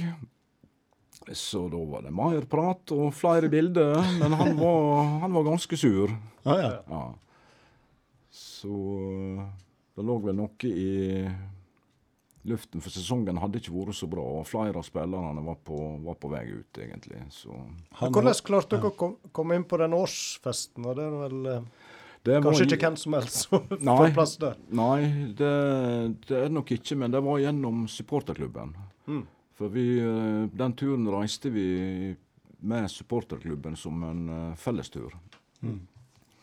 Og da kjøpte vi jo full pakke med både festen og kampen, og omvisning på treningsfeltet, og omvisning inne på Ellen Road og alt dette der. Vi var jo på lunsj med også på, på dagen før med såkalt X-players. Terry Jorrett og Eddie Gray og alle disse der som var med oss åt mat og sosialiserte og prata med oss og alt mulig sånn. Så det var ve veldig bra opplegg. Fikk mye ut av den, den turen du har hatt bort. Ja. Det høres det ut som. Det, det var absolutt, og skulle gjerne vært der igjen, men uh, det har liksom ikke klaffa ennå. Men rykker vi opp nå, så Da blir det. Da, da blir det. Men nå er det jo dette her med opprykket, da. Som det, nå leder vel Leeds uh, Championship eh, med er det en sju-åtte poeng før lag nummer tre på tabellen. Det kan stemme, ja. Ja. Vi leder med ett poeng på West Bromwich, og så er det vel Fulham som er på tredje. Ja. Men det er jo to som går rett opp, og, og serien står jo i ro. Ja. Ehm, Det er ni kamper igjen. hva skjer der, tror du? Det er 27 poeng, og vi klarte jo å fucke det til i fjor, så jeg tror ikke på noe før dette der er bestemt. Så eh, det blir ni spennende kamper hvis de en gang kommer igjen. Nå er det jo noen lag som ligger farlig nær nedrykk, som begynner å protestere og har testa positivt på korona. Hull City de er jo ikke så veldig keen på at det skal fortsette, men eh, jeg har både håper og tror at vi Er Men de vil annullere sesongen nå? Ja, der står det jo i fare for å rykke ned. Og med 27 poeng så er vel faren stor, for formen der er jo ikke den helt, eh, helt gode. Det er jo sånn i Premier League òg, da, at de som har testa positivt, de er jo tilfeldigvis på lag som ligger langt nede. Pumper det inn i blodårene med, Ja. med viten og vilje. Ja, det, dette er nok mye spekulasjoner, men eh, så er det jo, er det jo, er det jo TV-rettigheter, veit du, og eh, alt dette her som er i bildet. Så jeg håper, håper og tror at både Premier League og, og Championship kan, kan fullføres med, med kamper. Lenger ned i divisjonene så har jeg mine sterke tvil. Da blir det sikkert bare avslutta sånn som det er. Da var det jo som du sa, de var jo veldig nær i fjor og ligger godt an nå. Eh, Mitt inntrykk er jo at det er veldig mange supportere av andre lag som har lyst til å ha Leeds opp i Premier League. Ja, alle mine fotballvenner som ikke holder med Leeds, de, de vil jo ha oss opp så vi kan eh, krangle så fillene fyker på likeverdige premiss. Ja, ja, ja. Så det blir jo ikke helt det samme å krangle med både Liverpool og Man United-fansen og Chelsea-fansen når vi er en divisjon bak. Så det, det kan bli som gode gamle dager på 90-tallet hvis vi kommer opp igjen. Hvor er det du ser kampene nå, da? Er det hjemme, eller er det på puben, eller? Nei, jeg er den typen som uh, må se det hjemme. Mm. Uh, Er det overtro, eller? Eh, kanskje lite grann, men eh, jeg har et vokalubar som kanskje ikke passer inn eh, på alle plasser når det blir litt hett i toppen. Og det blir det når, når jeg ser på, på Leeds. Det er nå ganske høyt under taket nede på Johansveg, tror jeg. Ja, det er det nok sikkert. eh. Men ikke høyt nok. Nei, det kan hende. Jeg har jo vært der et par ganger, så jeg vet jo hvor det kan være. Så. Never say never. Men går det hardt inn på deg når det er tap, og det, dette engasjerer skikkelig, skjønner jeg? Eh, nå har du blitt så gammel at du Det er vel en eh, Ja, det går vel en ti minutt kvarter med hengelepp og banning og frustrasjon og truing med å sette fyr på alle draktene og alt dette her. Men det, men det går jo fort over. Det var jo verre på på, på 90-tallet, altså. Da, var det jo, da kunne jeg sitte i flere dager og måtte ikke nevne Leeds før det var gått uh, nærma seg neste kamp igjen. Da var det kanskje Så det, var- det var nok hakket verre før, men eh, nå har du jo kanskje lært at eh, Dette må du regne med som Leeds-fan, at eh, du taper uh, temmelig ofte, kanskje. Ja. Men jeg ser jo noen lystige statusoppdateringer i sosiale medier når Leeds eh, vinner, iallfall. Så Ja, jeg regner jo med at det, det svir vel litt når det går hin veien òg. Ja, da, eh, da burde jeg kanskje ikke oppdatere når det går hin veien, men jeg lar meg fort rive med når det går bra, ja. Det, det skal ikke stikkes under stolen. Men hvis det går over etter 10-15 minutter ved tap, klarer du å holde deg unna statusoppdateringer på Facebook det kvarteret, eller blir det prega? Eh, nei, ja, eh, både òg. Det har med dagsform å gjøre, da. Så ja. hvis vi har tapt ufortjent, så kan det hende det kommer alle lekser. Og har vi vunnet for lite, så kan jo hende det blir nevnt òg. Så eh, Mange problemstillinger. Ja, sånn det er veldig mange Ja, hensyn å ta, ja, vet du. Men da får jo vi, eh, iallfall for min del, så håper nå jeg at Leeds rykker opp. Eh, og det er jo litt kjekt, for det er jo såpass mange Leeds-supportere at den rival, re, rivaliseringa heter det. Litt vanskelig å stokke tunga. Eh, den er jo, eh, den er jo en, eh, en god del av hele pakka, så eh, Ja, det hadde vært kjedelig hvis alle skulle holde med samme lag. Det blir litt mer stemning og litt mer action, og en kan uh, terre litt, veit du. Det, Var ikke det han Bernhard Hole som sa at uh, hvis Liverpool vinner ligaen, da rykker Leeds alltid opp? det kan stemme, ja. Så det det er noe godt dere ligger veldig godt an nå. det går nesten ikke an å snuble ifra den. Nei, det burde de klare. Vi får se.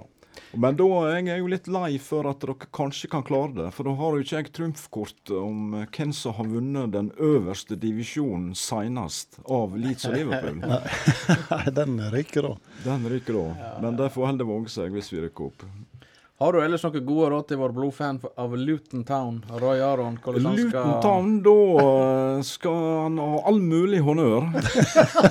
Og sympati. Nei, Luton eh, de, de var jo i en av tidenes tippekamper på 80-tallet. Ja, stemmer det. Luton-Oxford 7-5. Det var den kampen det gikk helt til sør for Sølve ja. Han, trodde, han trodde jo på et tidspunkt at det var 12-4. For han hadde begynt å telle med reprisene. Da var det 12-4 til Luton. Sannelig, sannelig, der var det skåring igjen. Nei, nå skal vi se. Det var det Det, det var det forrige, det. Har du vært på Kenilworth Road? eh, Nei, jeg har nok ikke. Jeg er ganske fersk eh, Luton-supporter, og jeg må vel eh, legge litt av æra eller alt etter som til disse karene. Det var en sånn innmelding fra deres side her rett før jul. Så jeg er, jeg er vel ikke blodfan ennå. Han, han hadde ikke noe favorittlag, så vi, vi måtte Hjalp ta affære. Så vi måka han inn i den norske supporterklubben til Luton Town. Ja, da kan jeg få lov å velkommen eh, til motgangs. Ja. det har jeg fått med. Så langt. Dere ligger vel nest sist, eh, Ja. men det er jo håp når det er ni kamper igjen. Ja. Nei, Vi får jo håpe at det går forbi halv, da. Så Ja. kan jo hende det ordner seg. Nei, Tøffe tak Men der, altså. eh, Luton var et artig og et respektabelt valg. Ja, Ja, ikke sant? nei, men det er- Fornøyde med den, Thomas. Ja. Ja da. Vi må jo høre til slutt eh, om du har et eh, høydepunkt å dra fram. Det kan hende du har vært innom det for så vidt allerede, men eh, fra mange år som Leeds-supporter, er det noe som stikker seg ut der? Eh, Det er mange. eh, Ikke så voldsomt lett å komme på i farten, men eh, Leeds-Liverpool 4-3. Mark Viduka. Fire skåringer. Det sukkes i Den, kråen. eh, Og selv om vi tapte eh, også den mot Liverpool på, på Ellen Road Vi tapte 4-5, men det var vel en mest forrykende fotballkamp jeg har Eller blant de mest forrykende fotballkamper jeg har sett. Og det ble kåra til tidenes tippekamp. Ja, den eh, husker jeg òg. Så det var Så husker jeg spesielt sesongen da vi vant ligaen, selvfølgelig, i 91-92. Og der vi slo Sheffield Wednesday 6-0 på Eller 1-6 på bortebane. Uh, maltrakterte Aston Villa med 4-0 på Villa Park. Så det, det er mange høydepunkt. Og så selvfølgelig Europacup, uh, Champions League-kampene våre da vi kom til semifinalen, òg var mange høydepunkt. Hvem er din, eh, din eh, største eller ja, viktigste favorittspiller gjennom tidene? Den som har sett mest spor i, i deg? Ja, Det begynte jo med Ellen Clark, men eh, Peter Lorimer eh, var jo det veldig lenge. Da gikk jo rykte inn i Olden at han, eh, han skjøt så hardt at eh, folk døde av det når, han, når ballen traff dem. Så det Det Best å komme seg vekk. det er respekt. Så da, da kunne ikke du annet enn ha han som favoritt. For tenk hvis han kom på den lokale løkka og traff deg. Peter Lormer var nok lenge, men så har stor sans for Gary McAllister når han var der på Harry Kewell. Var jo en glimrende spiller. Gans, ganske mange, altså. Eirik Bakke. Eirik Bakke gjorde en god jobb, men han er ikke blant eh, mine favoritter. Men eh, Eirik Bakke gjorde en uh, god jobb på midtbanen i mange år, ja. Det- Gunnar Halle har jo vært der, uten at uh, han kan jo få en liten parentes, da. Men uh, Er det flere nordmenn som har vært der? Det er vel det? Å ja. Frank Strandli var jo den nye kantona, blant Frank annet. Strandli han ble jo kåret til årets kjøp da han skåret i første kampen, men så var han for mye på gatekjøkkenet og spilte vel ikke noe særlig mer. Fish and chips. Fish and chips. Who needs Cantona? Ja. Sang Lid Svendsen. Alf Inge Haaland har vel vært der. Haaland var der, helt til Roy Keane kom og ødela nå. Ja. Så Erling Braut Haaland er jo født i Leeds. Mm. Det er ikke mye hjelp i. Ja, han kommer snart. Når vi rykker opp. Jeg ser på klokka, vi må begynne å gå litt inn for landing her. Men eh, vi nevnte Radiofort i dag. Jeg tenkte vi må nå svinte så vidt innom den. Du har jo eh, hatt eh, program her på Radio Stryn hvis vi går noen år tilbake. Hadde vel en gjesteopptreden for halvannet år siden. Det var jubileum i radioen. Ja, det stemmer. Er det muligheter for at uh, Kjøsen kommer på radio med nytt musikkprogram, eller et lite comeback? Kjøsen han eh, kan jo overtales til det meste. Men uh, han har jo vært her i tospann med min gode kompis og Sigbjørn? han Frode Sunde. Nei, Frode Sunde, ja. ja. Sigbjørn òg er jo kompis, han òg. Har vært med og laga program i lag med meg på på tidlig 90-tall. Eh, men når vi starta, det var i 1987. Og da var det vel han eh, Da var jeg en del av den gjengen som var med der. Og det var Arne Vik og han eh, Einar Skjerven og Eivind Skjerven som dro i gang dette der. Så kom Birger Mæland med, og så kom han Frode Sunde og meg. Vi var vel mest dratt inn for at vi hadde jo opparbeidet oss ei platesamling. Vi var diskjockey på 80-tallet begge to. ja. Uh, og da var det da sommeren 87, ja. Og da var det jo en uh, slags nyhetens interesse, for det var jo ikke, hadde jo ikke vært nærradio eller lokalradio her i det hele tatt før. Det var jo, det var jo to kanaler. Det var jo NRK på TV, og så var det P1, som det heter nå, da. Jeg lurer meg på om ikke kanskje P2 var i gang med prøvesendinga. Det som var da malen mot dagens P3. Uh, jeg husker ikke helt nå. Det er veldig vanskelig å være nostalgisk når ikke du husker noe som helst. Lids-historia, den satt nå greit. ja. Det, det husker jeg.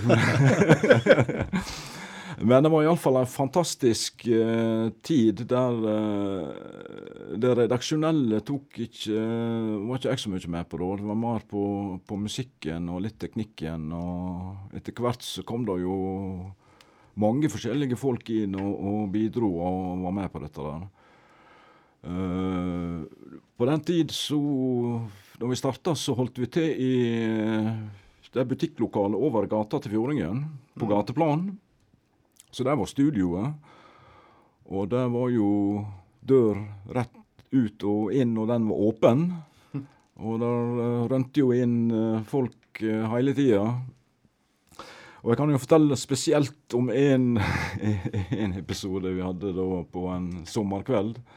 En lørdagskveld. Sånn eh, klokka var passert midnatt, så kommer der en kar inn og vil rapportere om et trafikkuhell på Rakjø.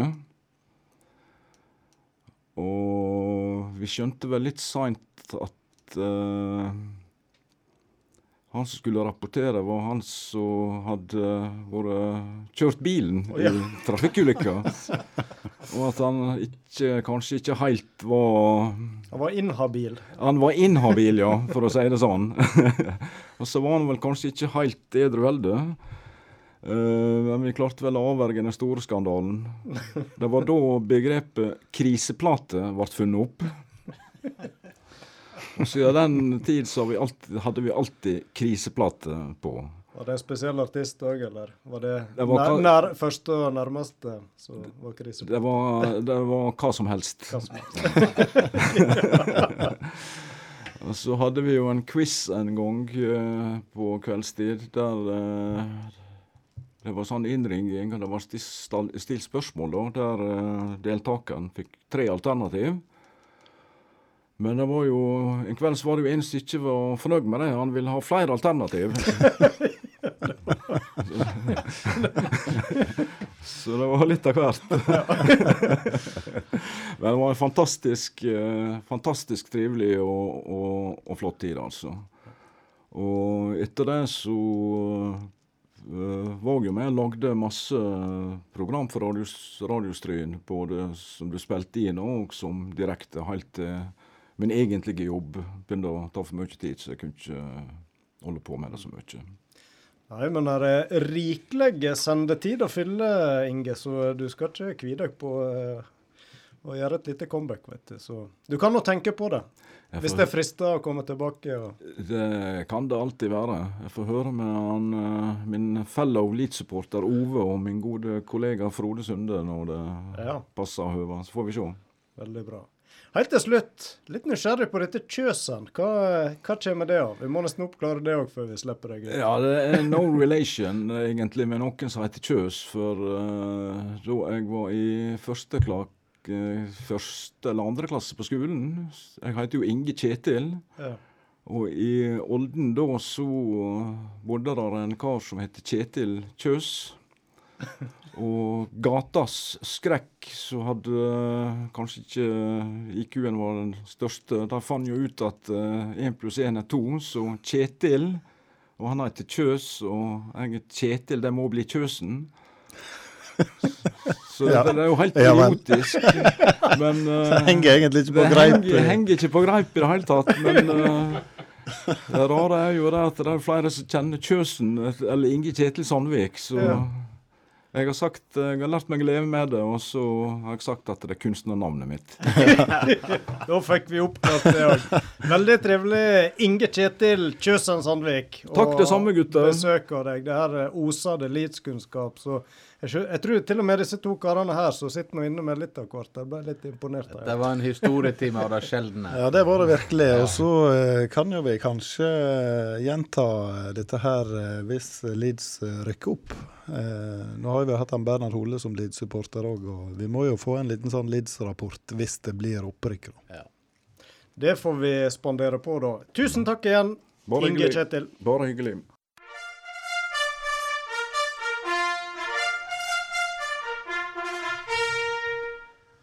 Dette betyr eh, konkurranse.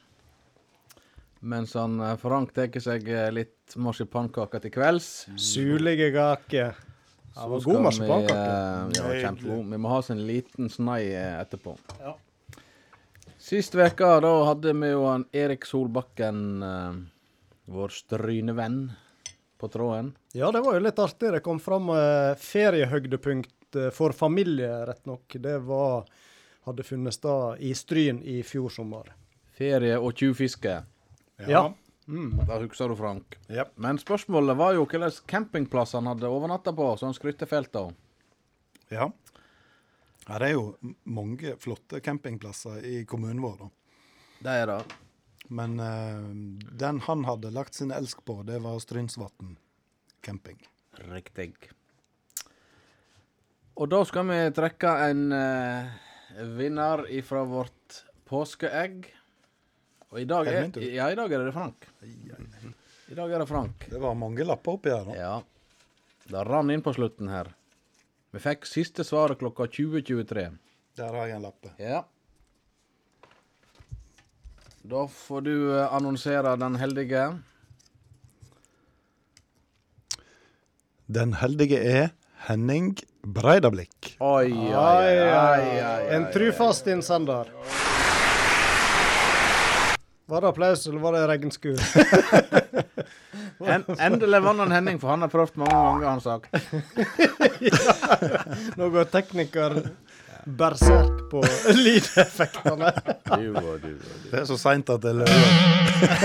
For de som hører oss i podkast, så eh, er det så godt å få begrep på tida, men klokka er iallfall ti på elleve en onsdagskveld, så vi begynner å bli litt overtrøtte her, kanskje. Det blir en lang uh, treningsøkt på han Rasmus Gausmel hvis han skal høre på oss i to og en halv time nesten. Men han treng, ble- trenger noen langøkter nå. Men da, Men det er ny konkurranse. det er det. Den siste denne sesongen, og eh, så blir det denne stortrekninga i neste sending, 10. juni. Da skal kolonialkorga trekkes ut, så eh, Og det er jo folk her som har sikra seg eh, mange aksjer i den eh, trekningen. Breidablikk blant de som kanskje har flest der, ja. Yep. Dagens spørsmål. Vi må jo til eh, håndballens verden. Og eh, Lonevik har jo signert for en eliteserieklubb i håndball. Spørsmålet er hvilken klubb? Hvilken klubb har Lonevik signert for i Eliteserien håndball? Send svar på Messenger til oss, og du er med i trekning av T-skjorte og kolonialkork. Fra Bunnpris Olden. Yes. Yes, da tror jeg vi suler inn, karer. Vi har holdt det gående i eh, snart to og en halv time. Jubileumssendinga di ble ei rekordlang sending òg, men eh, mye godt stoff. Hatt med trivelige gjester. Vi starta jo med Lonevik.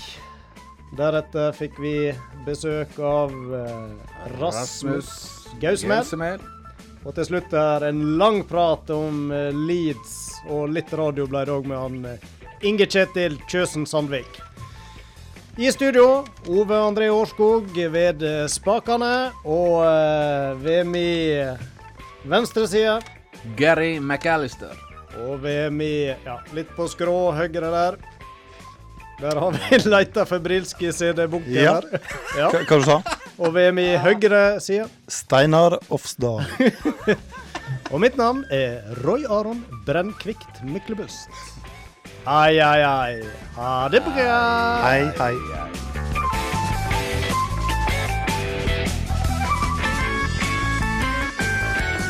Nå har dei endelig hørt meg og mase midt om plass.